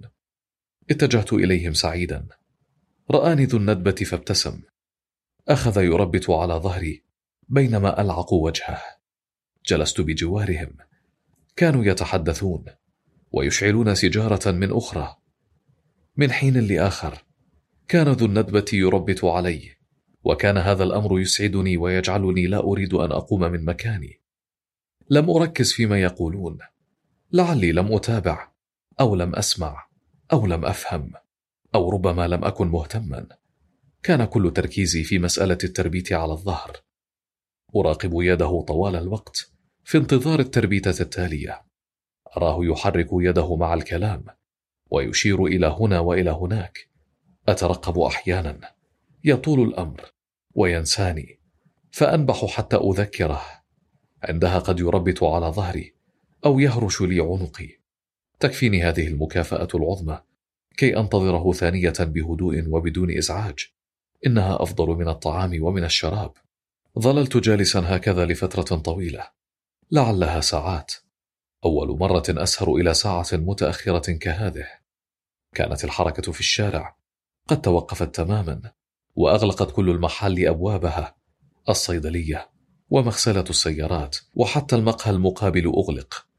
الشارع هادئ تماما ويكاد لا يسمع فيه صوت. هنا قام صاحب الشعر البرتقالي ومضى متجها إلى الميدان بينما بقي ذو الندبة وذات العباءة جالسين. بعد قليل نظر إليها دون أن يتكلم ثم نهض الاثنان وقفزا من فوق سور العمارة إلى الحديقة الصغيرة. وقفت لأنظر رأيتهما يقفزان داخل شرفة شقة الدور الأرضي. هناك قطع خشبية صغيرة مسمرة في شيش الشرفة من الخارج. كي لا يمكن فتحه. حتى لا يفتح. ومن الواضح أن هذه الشقة مهجورة. لا يسكنها أحد. قفزت خلفهما إلى الحديقة. وحاولت أن أقفز داخل الشرفة إلا أنني لم أستطع. فقد كان السور مرتفعا. نظرت حولي. فإذا حجران كبيران موضوعان فوق بعضهما البعض ويبدو أنهما موضوعان هكذا عن عمد لتسهيل القفز إلى الشرفة. وقفت فوقهما وهكذا استطعت القفز إلى الشرفة أخيرا. رأيت ذات العباءة وهي تجلس على ركبتيها وقد رفعت عباءتها حتى وسطها وكانت لا ترتدي ملابس داخلية. أما ذو الندبة فقد أنزل مقدمة بنطاله ثم التصق بذات العباءة. كاد قلبي أن يتوقف من هول ما رأيت. أخذ ذو الندبة يتحرك ويمارس الجنس. كانا صامتين تماما. وكان الصوت الوحيد الذي يمكن سماعه هو صوت احتكاك الملابس. بعد دقيقة أو نحوها رفع بنطاله. بينما اعتدلت هي في جلستها وأنزلت العباءة عن وسطها. ثم أخذت تحكم ربط غطاء الشعر. هكذا بكل بساطة. أما أنا فقد كنت في حالة غير طبيعية من الإثارة حتى إنني كنت أشعر بدقات قلبي في أذني. رقدت على الأرض. كي أخفي نتائج فعلتهما. وحاولت ألا يبدو علي أنني كنت مهتما بما حصل لكنهما لم يعيران اهتماما. رقدا على أرضية الشرفة التي لاحظت أنها مفروشة بكراتين قديمة. وفي لحظة راح الاثنان في نوم عميق. لم أستطع النوم البتة. ظللت راقدا هكذا على بطني أستعيد المشهد في ذهني مرارا وتكرارا. كأنه ملف فيديو يعيد نفسه تلقائيا كلما انتهى. مهما حاولت أن أطرد المشهد من ذهني لم أستطع. أعتقد أنني حتى لو نمت فسأحلم بكل تفاصيله. أخذت أحك بطني في الكراتين المفروشة أسفلي حتى استمنيت. ولم أكن أعرف أن الكلاب تفعل ذلك أيضا. استيقظت في الصباح. فلم أجد صاحبي. كيف نهضا وقفزا ومضيا دون أن أشعر بهما؟ أنا الذي أشعر بكل حركة مهما كانت بسيطة. لعلي كنت مرهقا جدا بسبب كثرة المشي. إضافة إلى الأرق الذي أصابني بالأمس. نهضت واقفا. كان قلبي يدق بشكل غريب. وشعرت ببرودة في صدري. كأن بين أضلعي قطعة من الثلج. كانت أحداث الأمس لا تزال تدور في رأسي. قفزت من الشرفة ثم من السور وأخذت أشاغل نفسي بالبحث عن طعام في كومة القمامة. أخذت ألوك كل ما يمكن أن يصلح للأكل مركزا كل حواسي وتفكيري في الطعام. لكنني ضبطت نفسي أكثر من مرة. أفكر في ذات العباءة السوداء ومؤخرتها الضخمة. ترى أين ذهبا؟ وأين يقضيان النهار؟ حاولت أن أصرف ذهني بمواصلة النبش في القمامة. هنا أتى قط وعبر من أمامي بلا اكتراث ثم صعد فوق قمة الكومة وأخذ ينبش ويتشمم. مرة أخرى شعرت بالغيظ وتذكرت مواجهتي مع ذلك القط الشرس عند النافورة والتي خرجت منها منسحبا مؤثرا السلامة. كان منظر القط يجعل الدم يغلي في عروقي. هل هناك جين لدى الكلاب يجعلها تغتاظ من القطط؟ رفع القط وجهه فرآني أنظر إليه. وفي الحال ضيق عينيه بترفع وأشاح بوجهه مشمئزا بتلك الطريقة الأرستقراطية التي تتصرف بها القطط. تلك القطط الوقحة المتعجرفة عديمة الذوق تتصرف أمام الكلاب وكأنها جنس أرقى وأهم. دون أي مراعاة لعوامل كالحجم وفارق القوة البدنية وقوة الفك والأنياب. إنها لا تستطيع شيئا في المواجهات المباشرة. أكثر من بعض الخربشات. وهو شيء لا يقارن مثلا بعضة كلب تستطيع أن تمزق اللحم. تلك القطط. ماذا تظن نفسها؟ لعلها تحمل بقايا العجرفة هذه منذ أن انحدرت عن سلالات الأسود. فقدت حجمها ومعظم قوتها. لكنها لم تفقد الفخر والكبرياء. وترفع الملوك وتململهم. أيا جنس القطط؟ انظروا إلى أنفسكم على أي صفحة ماء. حقا لقد كنتم ملوكا لكن هذا كان منذ زمن بعيد جدا. لقد مضت آلاف السنين الآن. نحن أيضا كنا ملوكا وفراعنة وسادة. وانظروا أين أصبحنا بين الأمم. الفرق بيننا وبينكم أننا نعرف الآن قدرنا ولا نرفع أعيننا عن أرجلنا. حين قلت نحن كنت أقصد نحن المصريين وليس نحن الكلاب. لقد ضبطت نفسي مرة أخرى وأنا أحسب نفسي بين البشر. ربما كان علي أن أتوقف عن هذه العادة إذا أردت أن أحافظ على سلام نفسي. كنت ما زلت حائرا أين أذهب حين التقط أنفي الرائحة ووجهني أنفي إليها. حينها رأيتها. كانت تقف على الرصيف الآخر تحدق بي. إنها كلبة من نفس فصيلتي. لونها بني فاتح. رأسها أفتح قليلا من باقي جسدها. كيف يمكن أن أواصل وصفها بعد؟ إن كل الكلاب تتشابه. حتى بالنسبة لي أنا الكلب. أو الإنسان المرتدي ثوب كلب. ما زلت أفتقر للكثير من مهارات الكلاب. لابد أنهم يتعرفون على بعضهم البعض بطريقة أفضل. لا توجد طريقة أقرب بها وصف هذه الكلبة للأذهان. كما توصف الفتيات بالرشاقة أو اتساع العينين أو اكتناز الشفتين أو اتساق الملامح. إنها كلبة وكفى. كل ما يمكن أن أضيفه هو نظرة الحزن في عينيها. ثم ما شعرت به فيهما؟ وما ترجمته بأنه نداء عبرت الشارع إليها وبمجرد أن فعلت أخذت تحك رأسها في بدني. سرت بي قشعريرة. كهرباء منعشة تسري في أوصالي. إنه شعور لم أشعر به من قبل. شعور بالدفء. وما دمت كلبا. فإني سأصفه بالدفء الكلابي. أخذت أبادلها حك الرأس. شعرت بسعادة مفاجئة. لقد صارت لي رفيقة. لطالما كنت أحسد أصدقائي الذين يقدرون على إقامة علاقات صداقة مع الفتيات حين يتسلل الواحد منهم ويقضي أمسية لطيفة مع صديقته بنقود الدرس يأخذها إلى كافيه أو مول أو حديقة يجلسان معا يتسامران ويتبادلان اللمس. كنت أشعر بغيظ شديد.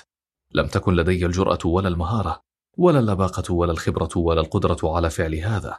كنت أفتقر دائما إلى القدرة على المبادرة والفتيات لم يكن يبادرن أبدا. لكن ها هو ذا الأمر يحدث أخيرا. يبدو أن الأمور أسهل بكثير في عالم الحيوان. كما أن إناث الحيوانات لا يخجلن من اتخاذ زمام المبادرة ولن يتهمهن أحد بسوء الأخلاق. أخذت تسير وأنا أتبعها. لا أعرف إلى أين هي ذاهبة. لكنني كنت أعرف أنها تطلب مني ذلك. سارت حتى شارع أبي بكر الصديق. عبرنا الشارع بسهولة في هذه الساعة الصباحية المزدحمة بسبب تباطؤ حركة السير. ثم اتجهنا إلى شارع أفلاطون وعند التقاطع مع شارع رشدي كانت هناك كومة ضخمة من القمامة. إنها تدعوني إلى الإفطار. أخذنا ننبش بين الأكوام وكان هناك بالفعل الكثير جدا مما يمكن أن يؤكل وليس كالكومة التي أعتمد عليها والتي يتم رفعها أولا بأول. وجدنا الكثير من عظام الدجاج والكثير من جلد الدجاج المحمر ويبدو أن إحدى ربات البيوت القريبة تتخلص من جلود الدجاج قبل الأكل. نظرا لما يشاع عنها بأنها مشبعة بهرمونات منع الحمل الأنثوية والتي تؤدي بالرجال إلى تضخم الثدي. وشكرت في نفسي حرص هذه المرأة البالغ على ثديي زوجها وهمته. أكلنا حتى شبعنا. وقفت تنظر إلي وتهز ذيلها. هنا شعرت بشيء غريب. شعرت بحرارة تغمرني وشعرت بشيء يتصلب. كنت قد قرأت من قبل عن الفيرمونات في إحدى المجلات العلمية. وهي هرو وهي هرمونات خارجية يفرزها البشر والحيوانات من الغدد الموجودة تحت الآباط وفي المنطقة التناسلية. هذه الفيرمونات تحمل رسائل كيميائية موجهة يتم استقبالها عن طريق أنف الكائن الآخر. إنها الطريقة التي يعرف بها الكلب أنك خائف منه فيقرر أن يطاردك. عندما يشم فيرمون الخوف الذي يفرزه جسمك. إنها تختلف عن الهرمونات لأنها تفرز خارج الجسم لا داخله وتحمل أوامر إلى كائن آخر وليس لأعضاء الجسم. لقد تلقيت دعوة للمعاشرة.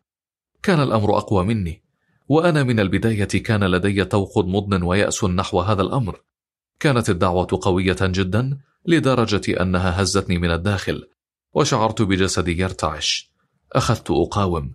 لم أكن أريد أن أقع في خطيئة كهذه ومع كلبة. لكن هل يتم حساب السيئات للكلاب؟ ألا يمكن اعتبار هذا ظرفا استثنائيا قاهرا؟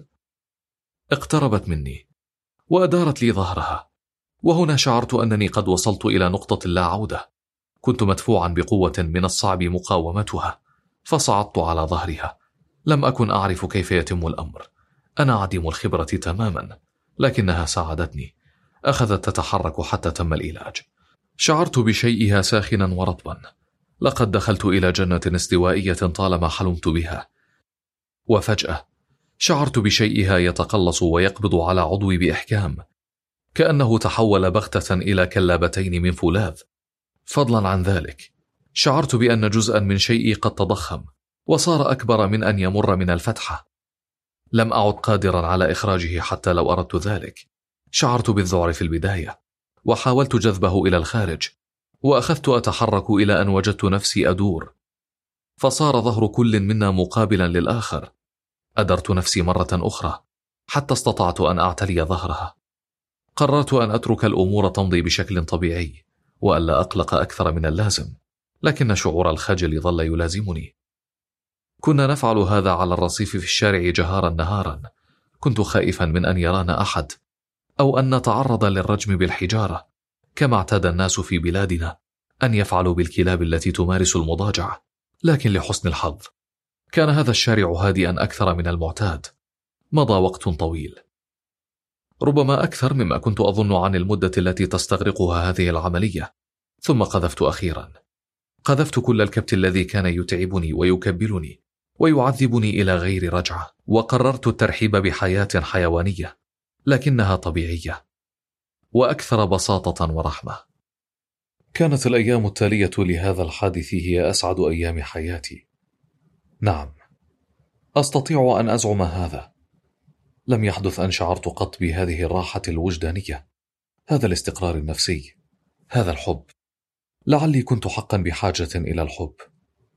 لم أجد هذا الحب في البيت ولا في المدرسة ولا في الشارع ولا في أي مكان ارتدته لكنني وجدته مع ليلى. لقد أسميتها ليلى. هكذا بيني وبين نفسي رغم أنها لا تعرف اسمها هذا أبدا. لازمتني ليلى كظلي. لازمتني ليلى كظلي. نستيقظ معا وننام معا. نبحث عن الطعام معا. ونأكل ونشرب معا. كنا نلعب كثيرا. نتقافز ونتسابق ونتصارع ونتدافع ويلعق بعضنا بعضا. كنا نمارس الحب كل يوم تقريبا. لم أكن أفكر في شيء ولا أحمل لأمر هما شيء واحد فقط كان يقلقني وقد كان نابعا من تنشئتي الدينية. هل سيعاقبني الله على حبي لليلى هل ينطبق علي حد معاشرة البهائم؟ لكن ماذا عن حالتي الحالية؟ هل يمكن اعتباري حيوانا؟ فلا ينطبق علي هذا الحد. أم أنني أعتبر إنسانا باعتبار أصلي وبداياتي وباعتبار ما كان فينطبق بهذا علي. هل يكون مصيري هو جهنم وبئس المصير؟ واين الله من كل ما تعرضت له. كان قراري أن أغمض عيني وأسكت ذهني عن التفكير في مثل هذه الأمور. هذا النوع من الأسئلة الذي ينغص الحياة ويزيدها تعقيدا. قررت أن أتبع الفطرة والفطرة تخبرني أن سعادتي مع ليلى وأن رضائي مع ليلى وأن علي أن ألتصق بليلى. مضت علي أيام كنت سعيدا فيها ككلب وكانت هناك أيام لم يخطر فيها على بالي شيء من حياتي القديمة. كنت قد بدأت أنسى وأندمج في حياتي الجديدة. وكانت هناك أيام شعرت فيها بأنني أفضل حياة الكلب إنها حياة لا تسعى. إلا للأساسيات وتكتفي وتسعد بها. إذا كان للإنسان أهداف أسمى من الأساسيات فعليه أن يسعى إليها. فهذا شأن الإنسان في الدول الأخرى التي من السهل فيها توفير تلك الأساسيات ويؤدي فيها بذل الجهد إلى تحقيق الإنجازات والوصول إلى آفاق أخرى. لكن في بلادنا هذه يحتاج الإنسان إلى الكد بجهده الأقصى لمجرد توفير الأساسيات لمجرد أن يحيا كحيوان لمجرد أن يجد المأكل والملبس والمسكن ويظل يواصل الكد حتى الخامسة والثلاثين أو الأربعين ليتمكن من مراكمة أموال تكفي لتمكنه من ممارسة التزاوج وربما لا يتمكن من ذلك ابدا إذ يسبقه دائما وبعدة خطوات التضخم والانهيار المستمر للعملة. في هذه الأحوال فإن الحياة كحيوان هي أفضل جدا. عشنا ليلى وأنا حياة أسرية هادئة. تركت مكاني السابق وانتقلت معها إلى الأماكن التي اعتادت عليها. كنا نقضي اليوم في التجوال في شوارع أفلاطون ورشدي وفوزي المطيع ويعقوب أرتين. وكان العمال في المحل والمقاهي في ذلك الشارع الأخير. كثيرا ما يعطفون علينا ببعض الطعام.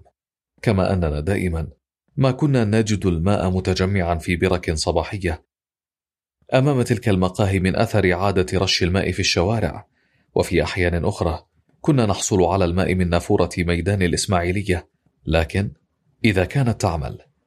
لكن ظلت كومة القمامة الدائمة عند تقاطع أفلاطون ورشدي هي مصدر طعامنا الرئيسي. كنا ننام دائما بالقرب من تلك الكومة. كيف كان سيصبح حالنا؟ لولا العنف الذي يمارسه معظم الناس تجاه الحيوانات لصارت بلادنا حقا جنة للحيوانات الضالة. كان الجو قد بدأ يميل إلى البرودة. لذا ننام متلاصقين.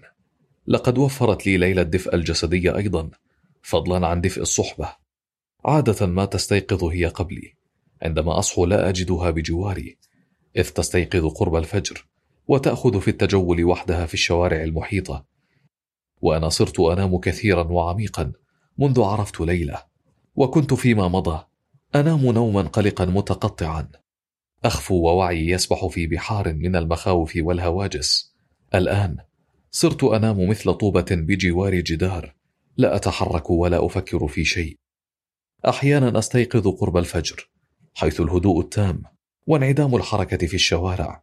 وأظل جالسا على الرصيف أنظر إلى اللاشيء. عيناي مفتوحتان لكنني لا أرى شيئا. لا تكاد تمر برأسي خاطرة واحدة. كأن جمجمتي صارت خاوية إلا من لوح من الثلج. أشعر عندها أنني أفقد ذاتي حقا وأقترب من الحيوانية الكاملة حيث لا خطط مسبقة ولا أرق من المستقبل. تسير الحياة في خط واحد مرسوم ومحدد ومحتوم. عندما أعود إلى وعي أتذكر عندها حالة شبيهة كانت تمر علي سابقا. حالتي في الحصص الفارغة في المدرسة. كثيرا ما يغيب المدرسون. فتصبح عندنا حصص فارغة. يسمونها الاحتياطي. في كل يوم لدينا من هذه الحصص واحدة أو اثنتان وأحيانا ثلاث. يوصي مشرف الدور أحد الطلبة بالوقوف أمام السبورة ليكتب أسماء من يتكلمون. من يتكلم أو يتحرك يكتب اسمه ويضرب بالخيزرانة وتخصم منه درجات من أعمال السنة. وأحيانا يستدعى ولي أمره. نجلس هكذا كالأصنام لا نفعل شيئا لخمس وأربعين دقيقة أو تسعين دقيقة أو مئة وخمس وثلاثين دقيقة حسب عدد الحصص الفارغة. لا نتكلم ولا نتحرك. أنتهي من تأمل السبورة ولوحات الحوائط والباب ووجه زميلي والنافذة ومكتب المدرس وكرسيه الشاغر وأكوام التراب في الركن. ثم لا أجد شيئا أفعله. جحيم حقيقي. مع تكرار هذه الحصص الفارغة تعلمت كيف أجعل الوقت يمضي. تعلمت كيف أنسحب إلى ذاتي. أعدد في ذهني عناوين روايات نجيب محفوظ ويوسف إدريس.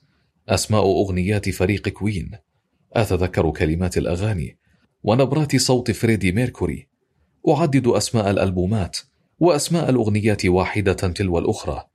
أعاود تذكر أحداث الأفلام التي أحبها. آخذ في التنقيب داخل ذاكرتي. أستخرج منها المواقف الطريفة وما يمكن أن يسلي. في إحدى المرات حاولت الرجوع بالذاكرة إلى الحد الأقصى لأرى ما هو أقدم شيء يمكنني تذكره. أعتقد أن أقدم شيء استطعت الوصول إليه هو حادثة حصلت أيام الروضة حين عدت منها. فوجدت أمي أن السندويشات التي ذهبت بها موجودة لكن اللانشون بداخلها لم يكن كذلك. فظنت أنني استخرجت اللانشون من الخبز وأكلته حاف بينما أكدت لها أنني لم أفعل ذلك ولم أكن قد فعلت ذلك بالفعل إذ لم ألمس سندويشاتي في ذلك اليوم. وحتى الآن لا أملك تفسيرا لهذه الحادثة الغامضة ولعلها وضعت لي سندويشات فارغة ونسيت أن تضع اللانشون في مرة أخرى أخذت أتراجع بذاكرتي إلى الحد الأقصى إلى أن حدث ورأيت ثدي أمي. لكنني لست متأكدا مما إذا كانت هذه ذكرى حقيقية أم أنها من اختراع خيالي؟ وإن كنت أميل للاعتقاد بأن الصورة كانت لعبة من ألعاب الخيال إذ إن الثدي الذي ظهر في رأسي يكاد يكون نسخة من ثدي مية خليفة.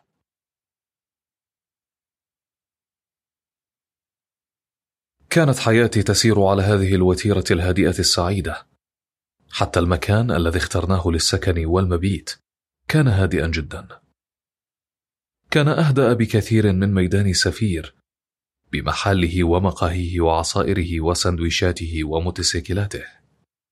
لم يكن يزعجني في هذا المكان سوى القنابل التي كانت تنطلق فيه وتهز أركانه في الصباح الباكر. إنه أحد سكان الطابق الأرضي في العمارة التي ننام أمامها.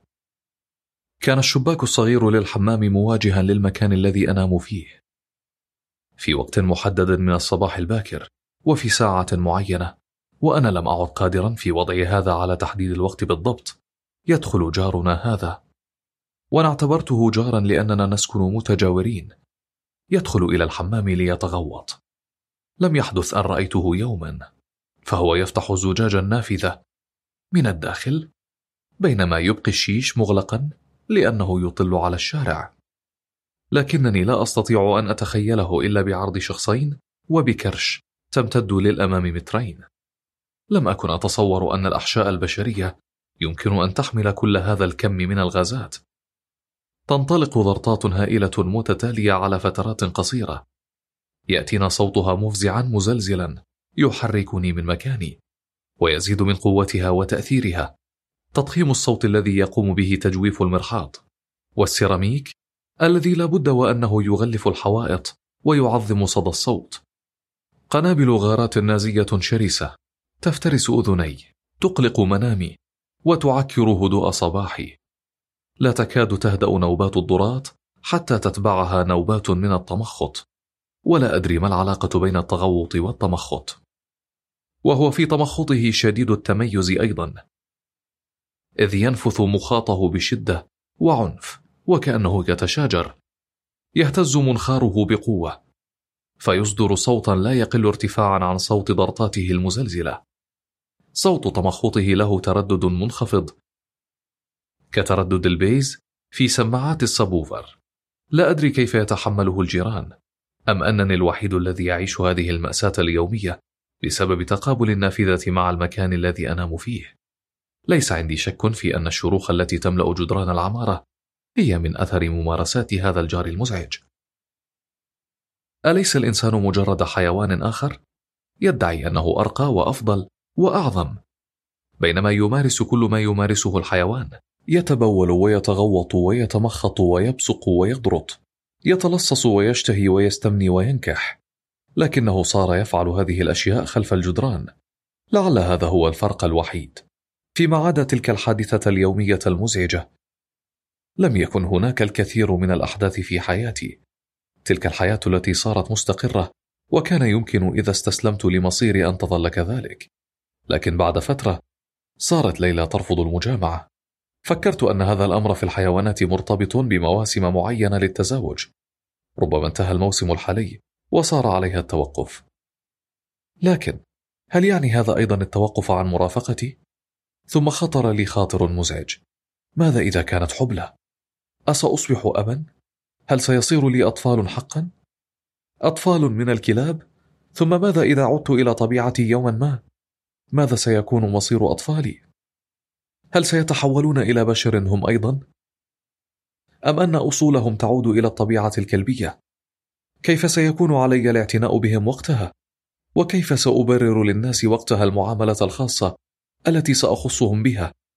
معاملة الأب لأبنائه. أسئلة كثيرة تجعل الرأس يدور لكن الحل الوحيد الذي وجدته لها مرة أخرى هو ألا أفكر فيها ولا أشغل نفسي بها. إنها ببساطة أسئلة بلا إجابة. كنت متأكدا أن ليلى حبلى. لم تكن آثار الحمل قد ظهرت عليها بعد لكنني كنت أعرف كنت فقط أعرف وهي أيضا كانت تعرف. ولعلها هي التي نقلت لذهني هذه الحقيقة بطريقة ما. سأصير ابا. لي زوجة وأولاد. سنكون أسرة صغيرة وسأجرب مشاعر جديدة لم أجربها من قبل. كنت سعيدا حقا كنت سعيدا. لكن السعادة ليس مقدرا لها أن تستمر. في ذلك اليوم استيقظت متاخرا ولم أجدها بجواري كالعادة. وبعد أن مرت علي فترة الذهول الصباحي المعتادة قمت لأتمشى. على بعد ناصيتين جذبت رائحة اللحم أنفي. فساقتني إلى المكان. كانت هناك قطعة كبيرة نسبيا من اللحم النيء ملقاة على الرصيف. شعرت بانتعاش مفاجئ. أخذت أتشمم اللحم وأنا أتعجب من هذه الصدفة التي تلقي في طريقي بقطعة شهية ومثيرة للغدد اللعابية مثل هذه. ثم فجأة فهمت كل شيء. بدأت أجري كالمجنون واللعاب يتطاير من بين شدقي أتلفت هنا وهناك. راجيا ألا تكون ليلى قد وقعت في هذا الفخ. رأيت كلبين ميتين بجوار أحد الأسوار.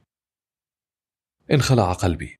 وشعرت أنني على وشك الإغماء واصلت البحث فرأيت كلبين نافقين آخرين. ثم بالقرب من شارع عمر بن الخطاب وجدتها أخيرا. كانت راقدة على أحد جانبيها فغيرة الفم وغارقة في القيء. كانت رائحة حمضية كريهة جدا تملأ المكان. أخذت أدفعها بقائمتي الأمامية لكنها لم تكن تتحرك. لقد ماتت. لا أعتقد أنني حزنت بهذا القدر في حياتي. كنت أريد أن أبكي لكن الغدد الدمعية للكلب لم تستجب لي وقد ضاعف هذا من ألمي. ظللت واقفا بجوار الجثة لفترة طويلة أدور حولها. أتشممها. لا يوجد ما يمكن عمله. فتاة شابة كانت تمر على الرصيف ورأت المنظر. هتفت. يا حرام! ثم مضت في طريقها. شعرت بكراهية مضاعفة لجنس البشر. لم أعد أريد أن أرجع إنسانا. الكلاب أفضل وأشرف. الإنسان هو أشرس حيوان على وجه الأرض وهو الأكثر عنفا الأكثر تدميرا الأكثر قدرة على القتل. الإنسان لا يريد لأي جنس آخر أن يحيا إلى جواره على الأرض. حكم بالموت على كل الكائنات الحية. الإنسان هو عدو الحياة. لمحت سيارة البلدية الضخمة. جاءت من أول الشارع بضوضائها المميزة. وتثير الغبار حولها. يبدو أنهم يجمعون الجثث. قبضت على ساق ليلى الخلفية. وحاولت سحبها إلى حديقة العمارة المجاورة. كان الأمر صعبا. لم أستطع جذبها لأكثر من متر. وكانت سيارة البلدية قد وصلت. نزل منها رجل ذو شارب كث وفي يده بندقية خرطوش ضخمة. أفلت ساق ليلى وانطلقت هاربا كالقذيفة دون أن أنظر خلفي. جريت بأقصى سرعة. كان الحريق المستعر في قلبي يغذي عضلاتي بالطاقة. دقائق قليلة ووجدت نفسي في ميدان الإسماعيلية. كنت أغلي. قنبلة نووية تنشطر في أحشائي. حزن وغضب وخوف وقهر وقلق ويأس. التقط أنفي رائحة كريهة للغاية. كانت هناك ثلاثة كلاب ميتة بجوار النافورة ترقد فوق بحيرة من القيء والذباب يتجمع ويحوم حولها. والآن ماذا؟ ندمت على هروبي من رجل البلدية. ليتني ظللت واقفا حتى أتلقى رصاصة الرحمة.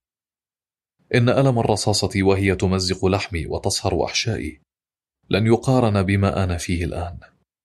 نزلت إلى نهر الشارع وقفت في وسط الطريق أمام السيارات. في انتظار واحدة لتدهسني وتريحني مما أنا فيه. أخذت السيارات تطلق بوقها في محاولات لإبعادي لكنني لم أتزحزح. ثم أخذوا يدورون حولي في محاولة للمرور دون دهسي. كم أنتم لطفاء ورحماء؟ هل هبطت عليكم الرحمة الآن؟ أم لعلكم تخافون إن دهستموني؟ أن تفسدوا طلاء سياراتكم اللامع؟ أو أن يسبب جسد بعاجا في جسم السيارة؟ مما يقلل من سعرها عند إعادة البيع؟ نعم لابد أن هذا هو السبب. صعدت ثانية إلى الرصيف بعد أن يئست حتى من الموت. لن يقتلني أحد من أصحاب السيارات. إذا كانت هناك أدنى مجازفة بخدش السيارة. يحب الرجال سياراتهم ويخافون عليها أكثر من أعينهم. أعرف هذا الشعور. أنا لم أرى شخصا يحب سيارته مثل أبي. يركنها دائما في مكان معين أمام عمارتنا. يغطيها بغطاء من عدة طبقات ليقيها الشمس والتراب والهواء والماء. لا يتحرك بها خارج مصر الجديدة أو مدينة نصر. فيما عدا ذلك يتركها ويتحرك بتاكسي حتى لا يستهلكها. أو يعرضها لما يمكن أن تتعرض له من أخطار في الأحياء ذات الشوارع الضيقة. وإذا تذكرت منزلنا تذكرت الساحرة الرابضة فيه. وجاءتني الفكرة. لعل هذه ستكون أفضل طريقة للانتحار. سأذهب إلى سونيا وهي كفيلة بقتلي. أعتقد أنها لن تتردد في ذلك. مشيت من ميدان الإسماعيلية إلى سفير عبر شارع عثمان بن عفان. لم أشعر بالوقت وأنا سائر. فجأة وجدت نفسي هناك. أسير كالمخدر. لا أشعر بشيء. كالمحكوم عليه بالإعدام لا أرى شيئا ولا أسمع شيئا. عقلي صفحة بيضاء. لا أعرف أين أتوجه ولا ماذا أفعل. توقف عقلي عن التفكير. وعن الإدراك. كنت كهاري بوتر. وهو مستسلم وسائر في الغابة. يتجه نحو فولدمورت. ليقدم نفسه للموت. ليت أشباح أحبائي تظهر لي لتشجعني مثل ما حدث له. لكن لا أشباح. ربما ليس لي أحباب لتكون لهم أشباح.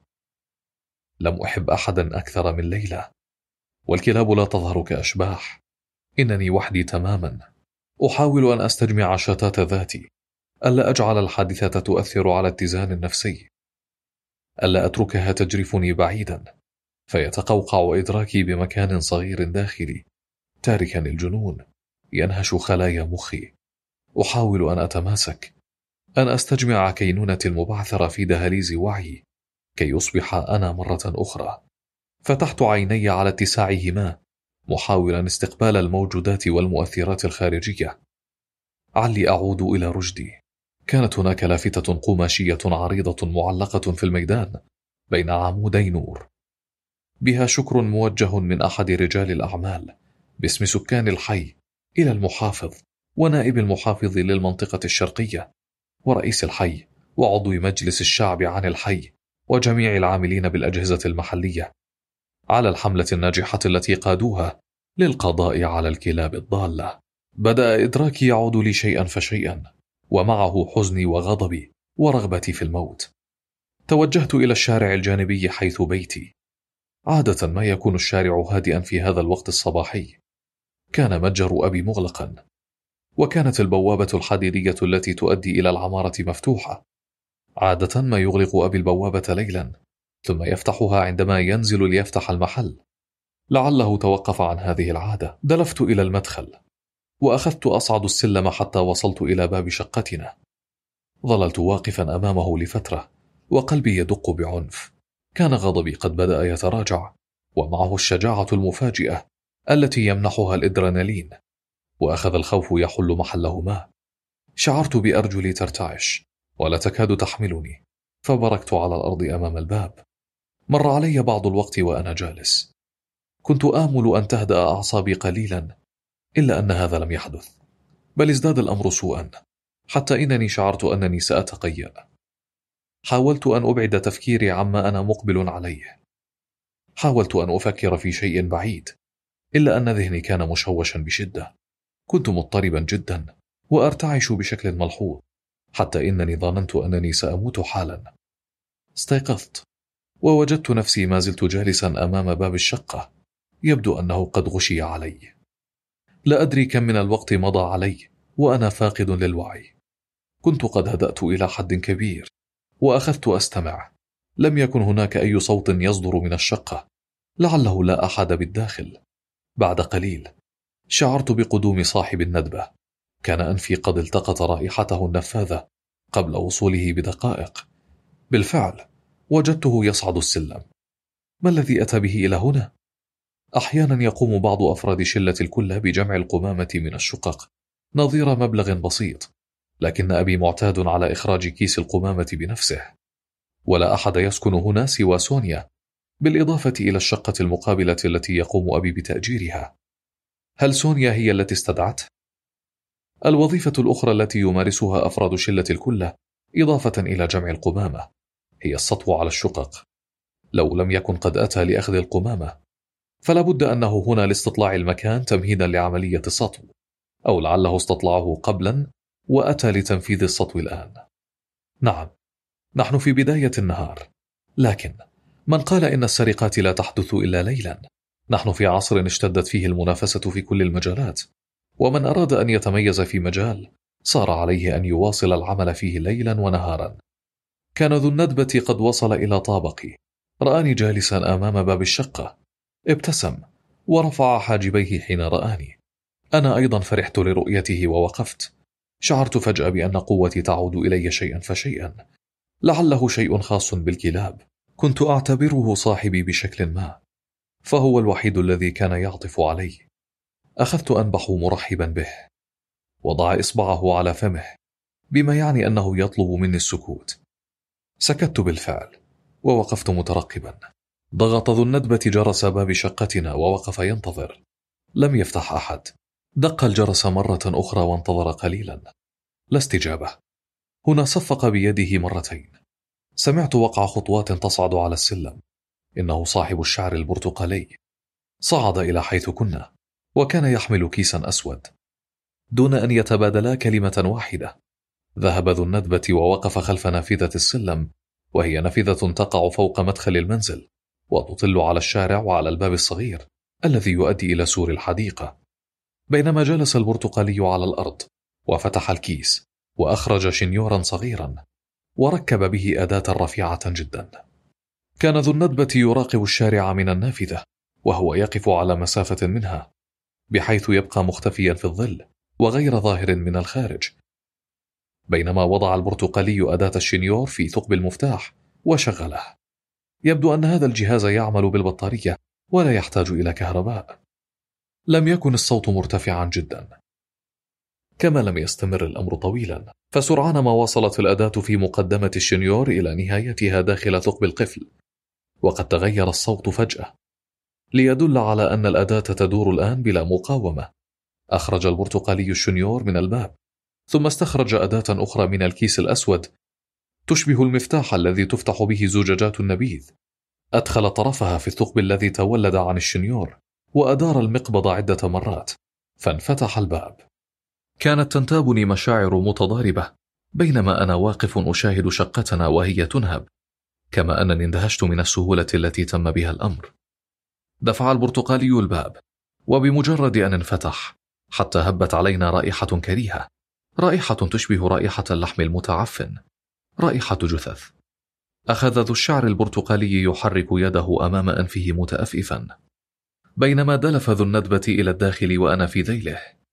كانت الصالة معتمة والستائر مزدلة والتراب ينتشر على الأثاث والأرضية بينما كان هناك الكثير من الذباب. أخذ قلبي يدق بعنف. أين ذهبت أسرتي؟ وماذا حدث لهم؟ كان الاثنان يتحركان بحذر دون إصدار أي صوت. محترفا سطو هما ولم أكن أظن أنهما بهذه المهارة والحرفية. إذ إن شكلهما لا يوحي إلا بالغباء والبلاهة. تنام إلى سمع صوت آنين خافت ويبدو أنهما سمعا نفس الصوت فتوقفا عن الحركة. كان الصوت آتيا من غرفة أختي. اتجه البرتقالي إلى غرفة أختي. كان الباب مواربا. دفع الباب قليلا مسترقا النظر. هنا انطلق نباح آت من الغرفة. فتراجع البرتقالي إلى الخلف. اندفعت أنا إلى الغرفة لأنظر وقد هالني ما رأيت. رأيت كلبتين مربوطتين بجنزيرين من الحديد وهناك علامات دامية على جسميهما. إنهما أمي وأختي. صحيح. إنهما كلبتان الآن لكن كيف لا أعرفهما؟ اندفعت نحوهما وأخذت ألعق جراحهما. هما أيضا تعرفتا علي في الحال وقد أخذتا تلهثان. وتبادلان اللعق. أمي كيف حالك؟ أختي هل أنت بخير؟ ماذا حدث لكما؟ كانت الأرضية ملوثة بكم هائل من البراز والرائحة لا تطاق. مئات من الصراصير والبراغيث والنمل تتحرك على الأرضية وألوف من الذباب تحوم حول الفضلات وتحط على السقف والجدران. رأيت أيضا سلتين مليئتين باللحم النيء المتعفن وكانت الديدان تمرح في السلتين. هنا فقد ذو الندبة حذره أخيرا ونطق. أعوذ بالله. أخذت أنبح وأتقافز أمامه. فهم أنني أريده أن يفك قيدهما لكنه تراجع إلى الخلف متأففا. أخذت أجذبه من طرف بنطاله وأنا أزوم حتى استجاب أخيرا. توجه نحو الكلبتين مترددا وجد الكلبتين في حالة استسلام تام. ربت على ظهريهما وأخذ يفك الطوقين الحديديين. لم يكن الأمر صعبا. تحررتا أخيرا وأخذنا نحن الثلاثة ننبح ونتقافز في الغرفة بسعادة. كأن السعادة سحابة وقد هبطت من السماء فجأة على هذه الغرفة المضمخة بالبراز والمعبأة بالديدان والصراصير وشتى أنواع الكائنات سداسية الأرجل. انفصلنا عن الواقع للحظات. كأن كل هذه المآسي المتواصلة والغرفة المليئة بالخراء ليست سوى خدعا بصرية على شاشة خضراء من الكرومة لكن هذا الخراء كان حقيقيا جدا وواقعيا جدا. له لون وشكل ورائحة ولم يلبث أن أعادنا إلى صوابنا بعد أن عبرت السحابة. كان ذو الندبة قد خرج من الغرفة. خرجت خلفه فلم أجده في الصالة. البرتقالي أيضا لم يكن موجودا. فجأة سمعت شهقة رعب آتية من حجرة نوم أمي وأبي. تسمرت في مكاني للحظة ثم اندفعت متجها إلى الغرفة. رأيت سونيا. كانت نائمة على ظهرها فوق السرير. منفرجة الساقين وكانت عارية تماما. كانت حبلى بطنها منتفخ بشدة وتحت بياض بطنها الشاهق. كانت هناك حركة واضحة أسفل الجلد. عضوها متورم ومتضخم وملتهب بشدة. ينفتح وينغلق مع حركة تنفسها. ثدياها متضخمان بشكل غير معقول. حلمتان بنيتان واسعتان. تكاد الواحدة منهما أن تحتل نصف مساحة الثدي. شعرها الأسود الطويل. ينتشر في كل الاتجاهات حول رأسها ويغطي مساحة الثلث العلوي من السرير. آلهة قديمة نائمة في معبدها خصيبة ومخصبة تحمل الحياة في رحمها وتبدو في وضع يسمح باستقبال المزيد. ثقيلة ومستقرة على عرشها. في انتظار تقديم القرابين الواجبة من العباد المخلصين عاهرة مقدسة لا تستقبل إلا المختارين. إنها الجمال والرعب معا. حين يجتمعان تحت غلالة من القداسة الوحشية. كنا نقف متسمرين نحن الخمسة حول السرير. لا نقوى حتى على التنفس. أبصارنا مسحوبة نحو ثقب الحياة ذاك الذي كان ينفتح وينغلق. كائنات فانية في حضرة معبودة أزلية. نتعبد بصلاة سحرية غير منطوقة. لكن فجأة قرر أحد العباد تدنيس المعبد وإهانة الآلهة. كنت قد لاحظت أن صديقي قد بدأا يدخلان في حالة من الإثارة الشديدة حتى إن البرتقالي أخذ يفك حزام بنطاله كانا قد تبادلا عدة نظرات تحمل الكثير من الاتفاقات لم يكونا بحاجة لتبادل الكلمات. كان التفاهم بينهما كاملا. حتى أنا فهمت النظرات ولم أكن بحاجة إلى ذكاء يفوق ما أملكه بالفعل. سيتناوبان عليها. أحدهما سيثبتها. بينما يجامعها الآخر ثم يتبادلان الأدوار. كانا فيما يبدو قد وصلا إلى نقطة لا رجوع. دار ذو الندبة حول السرير. وصعد بركبتيه عليه ليمسكها من ذراعيها بينما خلع البرتقالي بنطاله تراجعت أمي وأختي إلى الخلف وقد بدا عليهما الفزع ثبت ذو الندبة ذراعيها والغريب أنها ظلت نائمة. هل هي في غيبوبة؟ هل هي منسحبة من جسدها بشكل ما؟ دودة غافية في شرنقة في انتظار التحول. صعد البرتقالي على السرير وولجها على الفور. سكين في الزبد. في هذه اللحظة فتحت عينيها. مضت لحظات كانت فيها في حالة من الذهول والبلاهة الكاملة. لا تستطيع استيعاب شيء مما يحدث حولها. رجلان معها على السرير وثلاثة كلاب متحولة على الأرض تشاهد. صرخت صرخة هائلة. شعرت معها بطبلتي أذني تتمزقان. هنا اندفع البرتقالي إلى الخلف وسقط على ظهره على الأرض بينما نافورة من الدم تنفجر من بين ساقيه. لم يكن هناك شيء بين ساقيه سوى ثقب يندفع منه الدم. لقد فقد شيئه. لا أدري هل كانت تلك الصرخة صرختها أم صرخته. أم لعلها كانت صرختين امتزجتا في واحد هنا رأيت عضوها ينفتح ثم انطلقت منه قذيفة دموية شقت الهواء وارتطمت بالحائط المقابل. إنه قضيب صاحب الشعر البرتقالي.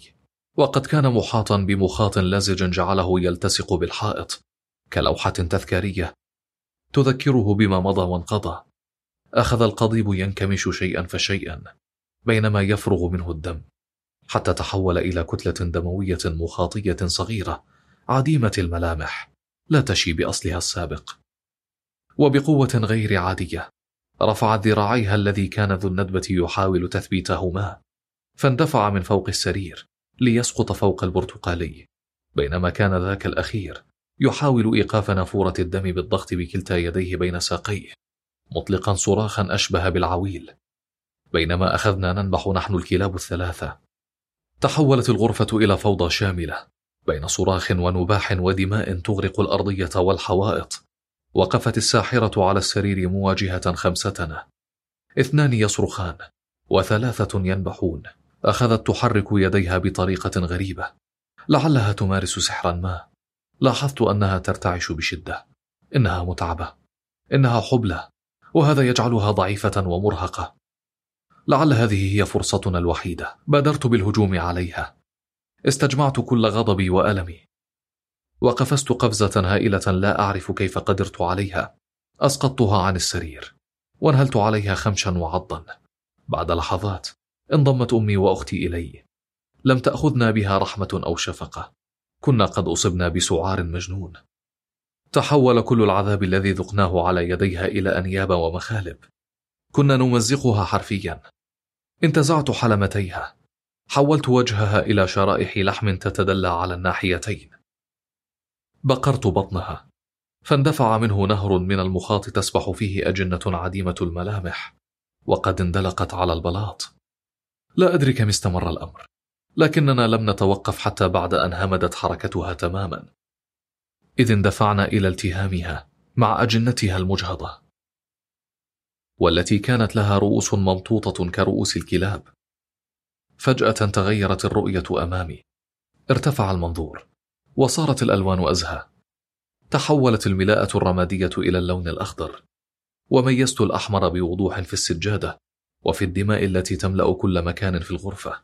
ورأيت أمي وأختي.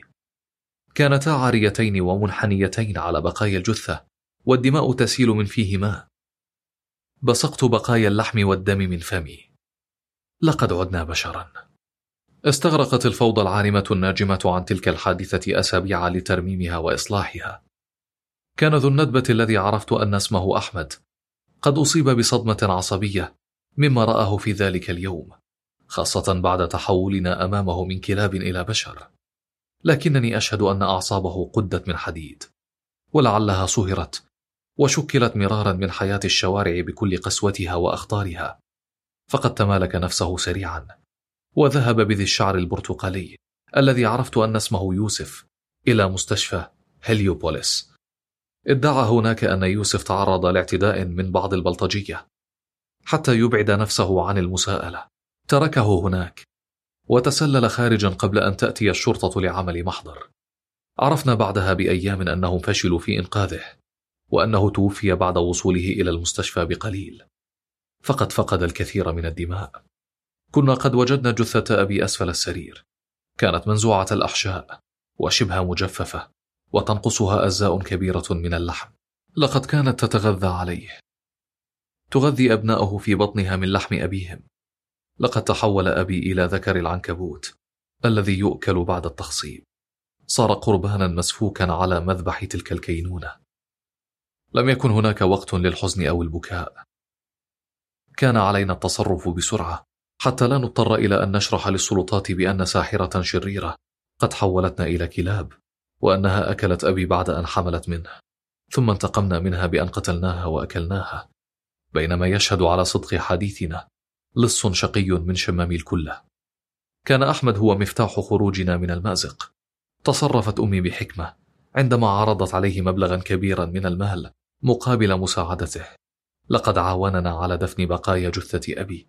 وجثة الساحرة إضافة إلى مقتنياتها الغريبة التي كانت في الشقة المقابلة في الحديقة الخلفية للمنزل. كان هو صاحب هذه الفكرة وقد ساعدنا على إتمامها من دون مشاكل. هدوء شارعنا النسبي وعدم وجود سكان آخرين في المنزل. ثم كان هناك الكثير جدا من التنظيف والتطهير. استغرق الأمر نحو أسبوع من العمل الشاق للتخلص من الحشرات والقوارض. وآثار الفوضى العارمة التي غرقت فيها الشقة والتأكد من مسح كل نقطة دم وحرق الملاءات والملابس الملوثة وغير ذلك من مهام ضرورية. لم أبكي على أبي. لم تبكي أمي ولا أختي أيضا. رغم أنني ظلمته كثيرا في هذه المسألة فأنا أفهم الآن أنها استحوذت على عقله بشكل ما. لكن يبدو أن العذاب الذي رأيناه جميعا في الفترة الماضية قد جفف مآقينا. ربما حين تهدأ الأمور أكثر. ربما. قد يصبح لدي وقت لبعض البكاء. قمنا عن طريق محام بعمل بلاغ باختفاء أبي. أخبرنا المحامي أننا يمكن أن نستخرج له شهادة وفاة. إذا لم يظهر بعد مرور أربع سنوات وذلك بعد رفع قضية في المحكمة. كانت أمي وأختي قد أصيبتا بتشوهات عديدة في كافة أنحاء جسميهما. فقد كانت سونيا قبل أن تدخل في حالة الغيبوبة التي وجدناها عليها. تقوم بجلدهما بالصوت كل يوم. أي عذاب رأته هاتان المسكينتان؟ في رقبة كل منهما أثر غائر من الجنزير الحديدي الذي كان يربطهما. ما جرمك يا أمي كي تنالي معاملة كهذه؟ وأنت يا ماجدة كيف ستجدين لنفسك زوجا؟ مع كل هذه الندوب الغائرة المشوهة. أما أنا فقد حصلت على ندبة كبيرة أسفل ثدي الأيمن. من أثر تلك الركلة التي تعرضت لها. وعدة أمراض جلدية نجمت عن حياة الشوارع. صحيح أنني عولجت منها لكنها تركت الكثير من الآثار هنا وهناك. كما ظل لدي ضعف خاص تجاه أحمد. كنت لا أزال أشعر أنه صاحبي بشكل ما أو صاحبي بالمعنى الكلبي. ظللت أراه في الشارع بين حين وآخر على فترات غير بعيدة. وفي كل مرة كنت أمنع نفسي بالكاد من القفز عليه ولعقه لحسن الحظ أن هذا الشعور آخذ في التناقص شيئا فشيئا. مضت سنوات عديدة على تلك الحادثة التي غيرت حياتي إلى الأبد. كم سنة مضت؟ لم أعد أتذكر بالضبط. حسنا. ربما خمس عشرة سنة. نعم أعتقد ذلك. تغيرت أشياء كثيرة. لقد نجوت من مصيري كتاجر قطع غيار سيارات. قمت بتصفية تجارة أبي وتأجير المحل إلى إحدى سلاسل متاجر الملابس الداخلية. أما أنا فصرت كاتبا. استفدت من مئات الكتب والروايات التي قرأتها. وصرت أكتب وأؤلف أنا أيضا. أخذت أحول أحلام اليقظة التي كثيرا ما تراودني إلى قصص. نشرت روايتين حتى الآن إضافة إلى مجموعة قصصية واحدة. ما زلت أعيش مع أمي وأختي. استخرجنا شهادة وفاة لأبي بعد أربع سنوات وأنهينا إجراءات الميراث.